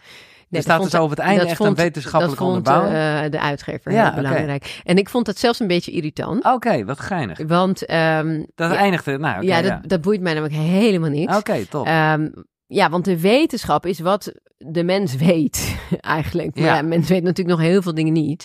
Of is nog niet wetenschappelijk onderlegd, eh, onderbouwd. Maar voor mij was dat niet zo belangrijk. En ehm, vorige keer, omdat ik natuurlijk heel dyslectisch ben, had ik echt een, eh, een schrijver daarnaast. Dus dan, dan deed ik met stukken schrijven en dan stuurde ik het naar haar toe. Eh, van kan jij dat dan verbeteren? Maar nu heb ik gewoon mijn hele AI. spelling met AI gedaan. ja, dus de uitgever zei tegen mij: Ja, wil je weer dezelfde eh, ehm, editor? Of, ja, ja. en dus ik zei tegen haar: Nee, dat hoeft, ik kan het nu zelf, weet je wel. Maar daar ging natuurlijk nog steeds mensen doorheen. En zo'n vrouw die er dan doorheen ging, die dan de hele tijd vraagtekens erbij gezet. Waar is de wetenschap? Waar is de wetenschappelijke Daar werd ik zo geïrriteerd van, merkte ik. Ja, maar het is wel, ik vind het goed dat ze het doet, want het is natuurlijk in eh, Ja. het leven is dat ook wel een, een- Ja. nou, heel veel mensen nemen die rol op zich. Ja, dus dat, dat vonden hun heel belangrijk. Dus het, is er, het zit erin. En in sommige dingen is het misschien ook eh, belangrijk. Oh ja, bijvoorbeeld bij het stukje wat hun heel belangrijk vonden. Dat gaat over eetgedrag. En als je dus controle hebt over je eten, zoals bijvoorbeeld bulimia Mhm. of eh, anorexia. Eh, of zoals ik ook gewoon in mindere mate gewoon heel streng was voor mijn lijf. Dat gaat vaker over, over de dochterrelatie, vader-dochterrelatie. Nee, ik voelde de druk. Ja. Nee, maar Ja, echt, het belang. Ja, ja. Ja. Ja, serieus. Omdat ik. En ik, ik, ik, ik moet zeggen, nu doe ik het een beetje met een soort negatieve inslag. Maar ergens. Kijk, ik was eerst natuurlijk. Ik had geen idee of wij een zoon of een dochter zouden krijgen. Ergens. Nou, ik heb dat naar Floor ook uitgesproken. Durfde het hier ook wel uit te spreken. Ik weet niet waarom. Maar als je aan mij zou vragen, wat hoop je? Dacht ik gewoon, ja, jongen, voetballen. En dat is gewoon wat je kent. En nou, je gaat natuurlijk wel laten onderzoeken. Een dochter. Wow, wow, een dochter. Ja, ik zou nu echt ten eerste niet meer anders kunnen voorstellen, maar ook niet anders willen. Nu zou ik bijna weer bang zijn als ik ooit nog een zoon krijg, maar dat komt dan wel weer. Maar je, ik voel gewoon aan alles dat ik denk, ja, wat er ook gebeurt, ik ben haar vader. En dat vind ik echt fucking vet. ja. En dan kan ik het eh, echt nog verkloten, maar dat ga ik echt niet doen. Maar ik bedoel, ja, nou ja, ik, weet, ik kan het niet uitleggen. Super mooi, toch? Ja, super mooi. En, en nu jij met alles wat je weet en hoe je aan jezelf werkt. ja, Maar ook Nou, dan... maar dan weet je dus ook, en dat is het een beetje. Ik bedoel, ik heb geen illusies. Ik ga mijn kind een trauma geven. Ja, Ik weet even niet welke, welke. En ik hoop Ja. dat het niet een te groot ding is. Maar eh, weet je, dat, dat, ja, maar ik denk als je aanwezig bent, ja, dat dat gewoon al, ja. echt het allerbelangrijkste is. En dat je ook durft te zeggen, van, nou, papa weet het ook niet altijd. Nee. Dat heb ik ook op een gegeven moment tegen mijn dochter gezegd. Ja. Ik heb geen Nou, boek dat was een beetje wat ik bij jou in de tuin net we- een beetje we- voelde. Je, je doet gewoon je best en we doen ons best. En eh, eh, er is geen boek voor. En ja, sorry als ik je pijn heb gedaan, weet je wel. Ja. Zo, en er gewoon zijn. Ik denk dat dat het belangrijkste is voor kinderen, om er te zijn. En ik heb daar ook wel eh, in gefaald. Want ja, als dat je alleenstaande moeder bent en je moet gewoon overleven. ja. dan Nou, je- gefaald zeg je wel weer gelijk hard. nou ja, ik. ik ben er ook Ja, niet ook jij hebt, gedaan wat, je, je hebt ja, gedaan wat je kon, ja. weet je wel. Dus eh, Denk Ja. je dat we in een goede tijd zitten? Ja, hele mooie tijd, toch? Ja, nou, dat denk ik ook. En je schrijft er ook over, spiritueel bewustzijn neemt toe. Ja. Ja. ik weet soms nooit zo of het ligt aan mijn eigen bubbel. Nee, ik denk dat dat echt zo is. Dat Ja. is eigenlijk wel wat we aan corona hebben overgehouden, denk ik. Ja, Heel veel bewustzijn. Ik vind het, ik vind het super mooi eigenlijk, de transformatie die ik zie bij mensen. En dat ze er ook open voor staan. Als je wat vertelt, dat het niet meer allemaal... eh, toen mijn moeder, toen wij jong waren, waren wij echt een gekke familie, hoor. ja. En nu is het allemaal een soort van normaal. Weet je wel, maar we waren echt uitzonderlijk vegetarisch Ja. en eh, mediterend. En dat was er helemaal niet. Nou, wat ik niet wist, eh, is dat jij, hè, want ik weet dat je vooral het een beetje zo gek vond en ja, mijn moeder moet dat nou en zo. Maar uiteindelijk begrijp ik wel dat je op je 21ste naar India bent gegaan. En Alleen, dat, ja, ja, dat ja. was dus wel echt, dus jij was er zelf ook wel. Nou ja, maar ik ben er zo erg mee opgevoed. Kijk, we waren al als kind veel in India natuurlijk. En toen dacht ik op mijn 21 zat ik net in goede tijden. Ehm, ik wil eens even weten hoe het nu is als ik Ja. daarheen ga in mijn eentje. Naar Nou ja, dit was ook, de, daarom je stretch zone, het oncomfortabel opzoeken. Mhm. Dat ging je bewust toen even, Ja. even iets Maar spannends toen doen. dacht ik wel van... ehm, het is wel een beetje sectachtig. Ja? Ja, vond ik wel. Dat aanbidden van een persoon, eh, knielen voor iemand, weet je wel, die dan zo gewoon doet. Ja. Ja, en dat iedereen dan helemaal door hem wil worden aangekeken en Ja. aangeraakt. En, dat vond ik wel, ja, dat snapte ik. Nee dat, dat, Nee. dat heb ik als kind vond ik dat al raar en dat vind ik nog steeds. En hoe zie je dat zelf? Want, eh, maar ik weet het want je hebt dit van tevoren gezegd, maar ik zie hier, nou ja, jouw Mijn hoofd. hoofd. Ja, ik, ik, ik had liever niet mijn hoofd Nee, open. maar ergens, ja, trek jij mensen mee? Nou, ik hoop, eh, nou ja, of ik weet niet hoop, maar de, de, ergens zullen mensen jou ook aanbidden in wat je doet. Aanbidden, dat klinkt wel Nou, heel oké, erg. dat snap ik. Maar, nou, ja, nou ja, je motiveert in ieder geval fucking veel mensen. Ja, dat vind ik wel mooi. Dat vind ik mooi. Ja. Maar ze hoeven niet op de- hun knieën voor Nee, mij. oké, dan is dat duidelijk. nee, nee, dat hoeft niet. Maar ik ben wel heel blij. En ik hoop gewoon dat ik ook al die mensen in het theater zal ontmoeten. ja, En dat ik, in, wat ik met dat theater wil gaan doen, en dat is, wordt echt superleuk, eh is echt dat mensen naar buiten lopen en denken, wauw, dit ga ik doen en dat ga ik doen en dat ga ik veranderen en zo ben ik. En dat, weet je, dat ze echt denken, ik kan het ook. ja. Want ik geloof gewoon dat alles kan als je het vanuit je hart wil. Nou, en het is En een mooi gaat. moment, want kijk hoe je het went of keert. Als je gewoon even die stap naar een theater is al hè, daar naartoe. Oh, ik ga volgende week, eh, of nou, dit duurt een paar maanden, maar ga, dat, daar, ik geloof er heel erg in dat dat ontzettend transformatiemoment zou kunnen zijn. Voor mensen. Voor mensen. Ja, ja, ja. ja, ja. Ja, zeker. Maar je legt de lat voor jezelf nu eh, nog hoger. Ik, Ja. ik ga zeker ik komen vind kijken. het echt spannend. En los van dat, want dat staat nu al in het veld. Ja, het is een beetje een gekke vraag misschien, maar heb je, heb je nog ambities? Ik bedoel, wat, eh, kijk, je gaat een boek schrijven dus ook over, Liefde. Dat Liefde? wordt wel een beetje een wat moeilijker boek Ja. voor mij om te schrijven. ja, En niet vanwege mijn liefdesleven, maar gewoon omdat ik eh, daar ook nog wat research in wil doen. Mhm. Ook zelf onderzoek nog een beetje. Ja. Ehm, nou ja, dit boek eh, Killer Mindsets schreef je en dat schrijf je ook tussen de regels door, juist in een soort liefdesverdriet eh, Ja. tijd even. Maar goed, dat gaf ook wel een soort van kracht. En, en de mooiste quote uit het boek is letterlijk van jezelf, meen ik serieus. Of die springplank. Ja. het verschil tussen een struikelblok en een springplank is hoe je het gebruikt. Ja, maar is- dat heb ik altijd met mijn broertje. Want eh, ja, ik geloof heel erg altijd... Maar heb je hem echt zelf bedacht? Nou, niet zelf bedacht. Oh. Nee, niet zelf bedacht. Oh. Nee, wel Ja. gebruik ik hem zelf. Hij is van niemand. Nee, nou, dan is hij toch van jou. dan is hij toch van jou. Maar ik gebruik deze altijd, want het is, het is eigenlijk hoe, hoe je gewoon naar een situatie kijkt. En als we dan weer naar dat meetbare leven kijken, ja. geloof ik dat we misschien niet het leven, leven meetbaar kunnen maken, maar wel hoe we er naar kijken. Snap je? En alles wat er in mijn leven gebeurd is, die ellende, is een springplank. Ja. Uiteindelijk voor wie ik nu Ja, ben. Ja. Snap je? Ja. En je kan het ook zien als een, ja, als een struikelblok. En dan ga je dus in dat halve glas leeg. Wat ik dus in mezelfde familie heb. Hè? Dus ik heb Mhm. een broertje die dat heeft. En voor hem is het glas zeg maar half leeg. Eh, en al die dingen heeft hij ook meegemaakt. Ja. Dus hij ziet het als een struikelblok. En, En ik dat- zie het als ja, een springplank. Dus we hebben hetzelfde soort van leven Ja, meegemaakt. alleen het is, ik kijk er anders naar dan dat hij kijkt. Dus ik, als het leven niet maakbaar is, prima. Maar dan is dus hoe kijk je ernaar? En dat heb je wel in de hand. Absoluut. Dus dat kan je altijd transformeren. Ja. Dit glas overigens is wel gewoon leeg. maar dat is voor de mensen die ook kijken. Eh, maar de vraag is dus, eh, los van dat boek, en want dat is al een beetje uitgezet, maar heb je nog verdere ambities? Wat, wat, wat, wat? Ehm, nou ja, we hadden het over dat bedrijf. Dat bedrijf moet wel natuurlijk verkocht, want dat heb ik nou eenmaal opgezet. Ja, ja. dus dat is nog wel voor Ja, 100 dat- miljoen miljard moet dat... eh, nee, dat hoeft dus niet meer. Nee. Niet meer voor 100 miljoen. Nee, Nee, dat betekent dat ik nog heel lang moet werken erin. Maar ik Eh, zie het wel, ja, ik heb er geen verstand van, maar ik, eh, ik eh, ben blij. de eerste, het ligt overal wel. je wel eens wat op of weet ik wat, maar nu kan ik het gewoon...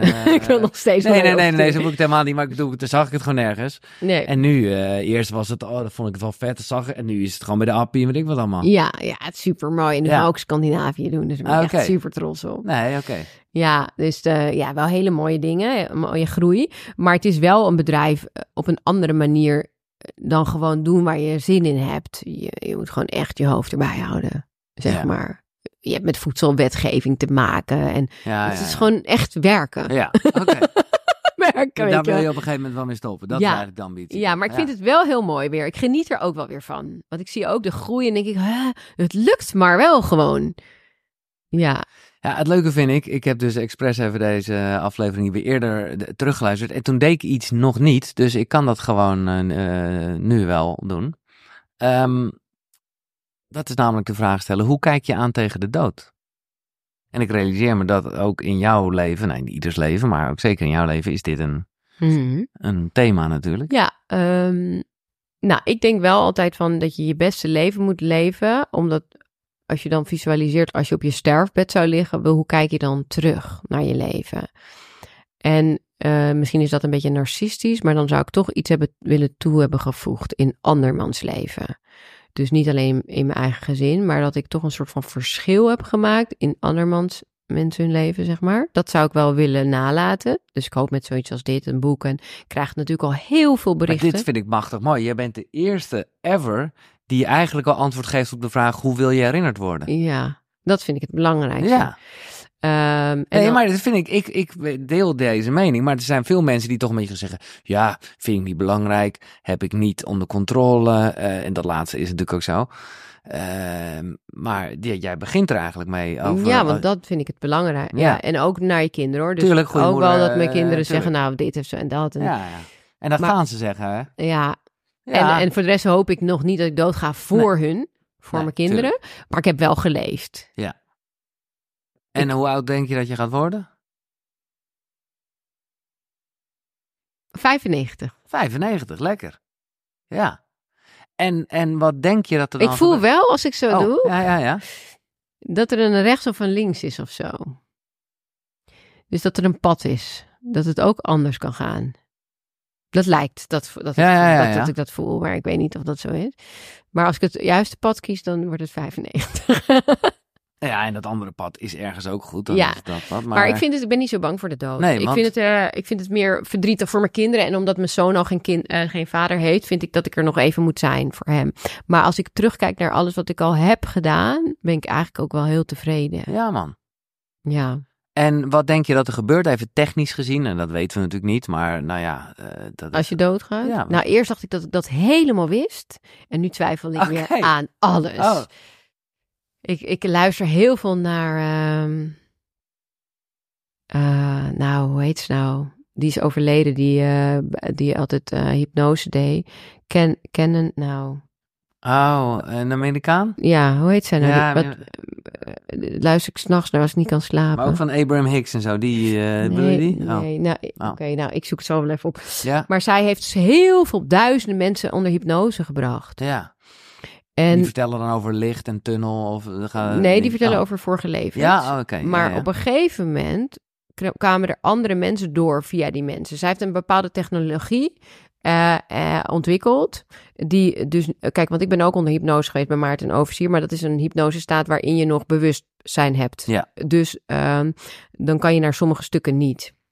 Maar zij is bekend en beroemd geworden eigenlijk in heel de wereld, omdat zij je onder hypnose kon brengen waar je niet meer wist Hmm. dat je in de kamer lag. Hmm. Dus kon je dieper gaan. Dus kon je naar vorige levens. En op een gegeven moment kwamen daar stemmen doorheen van mensen die wat wouden zeggen.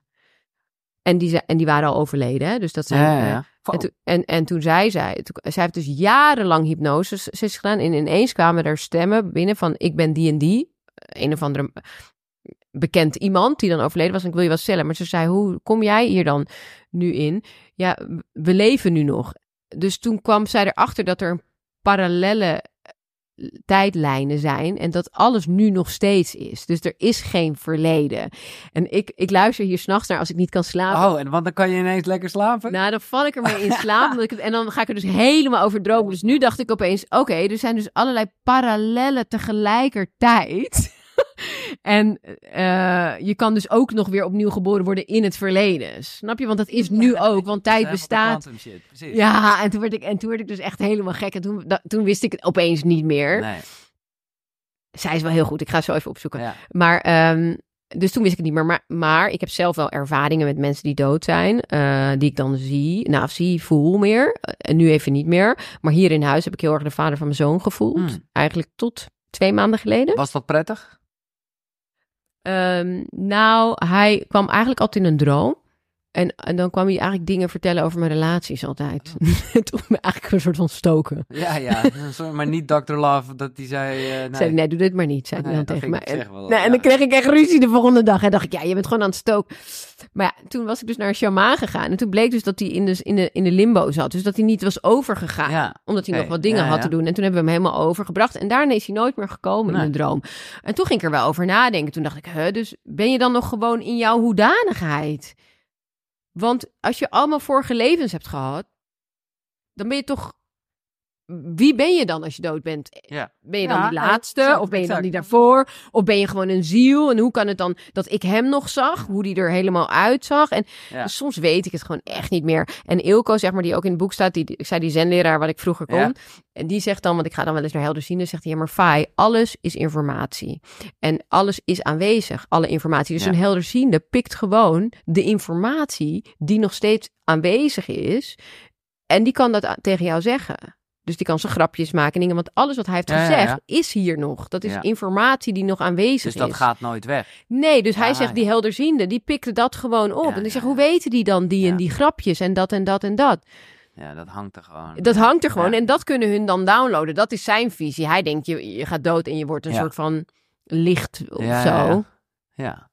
En niet weer een mens. eh, Nee. Nou, mens sowieso niet, maar ja, ik weet het niet. Nee, ja, ik je weet het ook eigenlijk gewoon niet. Nee, En soms ben ik er heel erg mee bezig en dan denk ik, laat maar gewoon. maar je bent er niet bang voor in ieder geval. Los van eh, Nee. voor, eh, als moeder. Maar wat wel vervelend lijkt, dat, dat je dan doodgaat als het donker is en dat iemand je vindt. Wat is dit nou weer van... eh, Hoe bedoel je? Ja, dat je kind binnenkomt zo en dat je dan oké, dood... Natuurlijk is dat vervelend. dat ja. lijkt me wel heel eng. Oké, killer mindset. Dit Ja? eindigen we dan mee. Want, maar ik moet zeggen, heel eerlijk gezegd, vind ik het een wat agressieve titel. Mhm. Eh, en nu hebben we het ook nog eens over de dood. En jij begint over in donker gevonden worden. En vind ik allemaal zo'n donker iets. Maar, en dit heb je al een keer gezegd. Notabene op de boekpresentatie waar ik was. En ik moest daar heel erg om lachen. Of lachen, ja. Ik, het, was, het, was, het was ook een, een fijne boekpresentatie. Omdat die niet fijn was. We moesten in een ijsbad. Ik was daar godsamme helemaal niet op gepre- eh, geprepared. Allemaal stemmetjes in mijn hoofd. Wat een gekut. Ik had hier ook niet moeten zijn. En naderhand natuurlijk fucking blij. En helemaal energy. Het was een fijne dag. Eh, maar daar zei je het al, en dat wil ik eigenlijk nu weer een keer uit je trekken. Kijk, maar bij Killer Mindset kan je natuurlijk denken: bam, doorzetten. Blah, gewoon. Nou ja, een killer mindset is voor mij, is voor iedereen anders. Voor iemand die bijvoorbeeld niet doorzet, kan het een keer zijn dat hij doorzet. Maar ik ben natuurlijk een doorzetter van origine. En ik mag juist wat zachter worden, wat milder worden, wat liever worden voor mezelf. En wat minder hoeven moeten. En dat is voor mij een killer mindset op dit moment. Ja, nou, dat vind ik machtig mooi. En eh, nou ja, dat, eh, ik ben blij. Dat, nou, vind ik een fantastische eh, Je afsluiting. bent altijd zo lekker enthousiast. Ja, nee, maar dat ben ik ook echt over het boek en over waar je nu staat. En eh la, wat mij betreft gaat het geen drie jaar duren, maar eh, maximaal drie jaar. Dan doen we Koekeroe aflevering 888. En dan eh, en kijken we wel waar we dan weer mee bezig zijn. Ja, leuk. Eh, dankjewel voor de sessie, dankjewel voor het boek, dankjewel dat je bestaat. En eh, voor de gastvrijheid. Ja, dankjewel. Dankjewel. Ja, dit was Koekeroe. Tot de volgende zonnegroet. Hoi.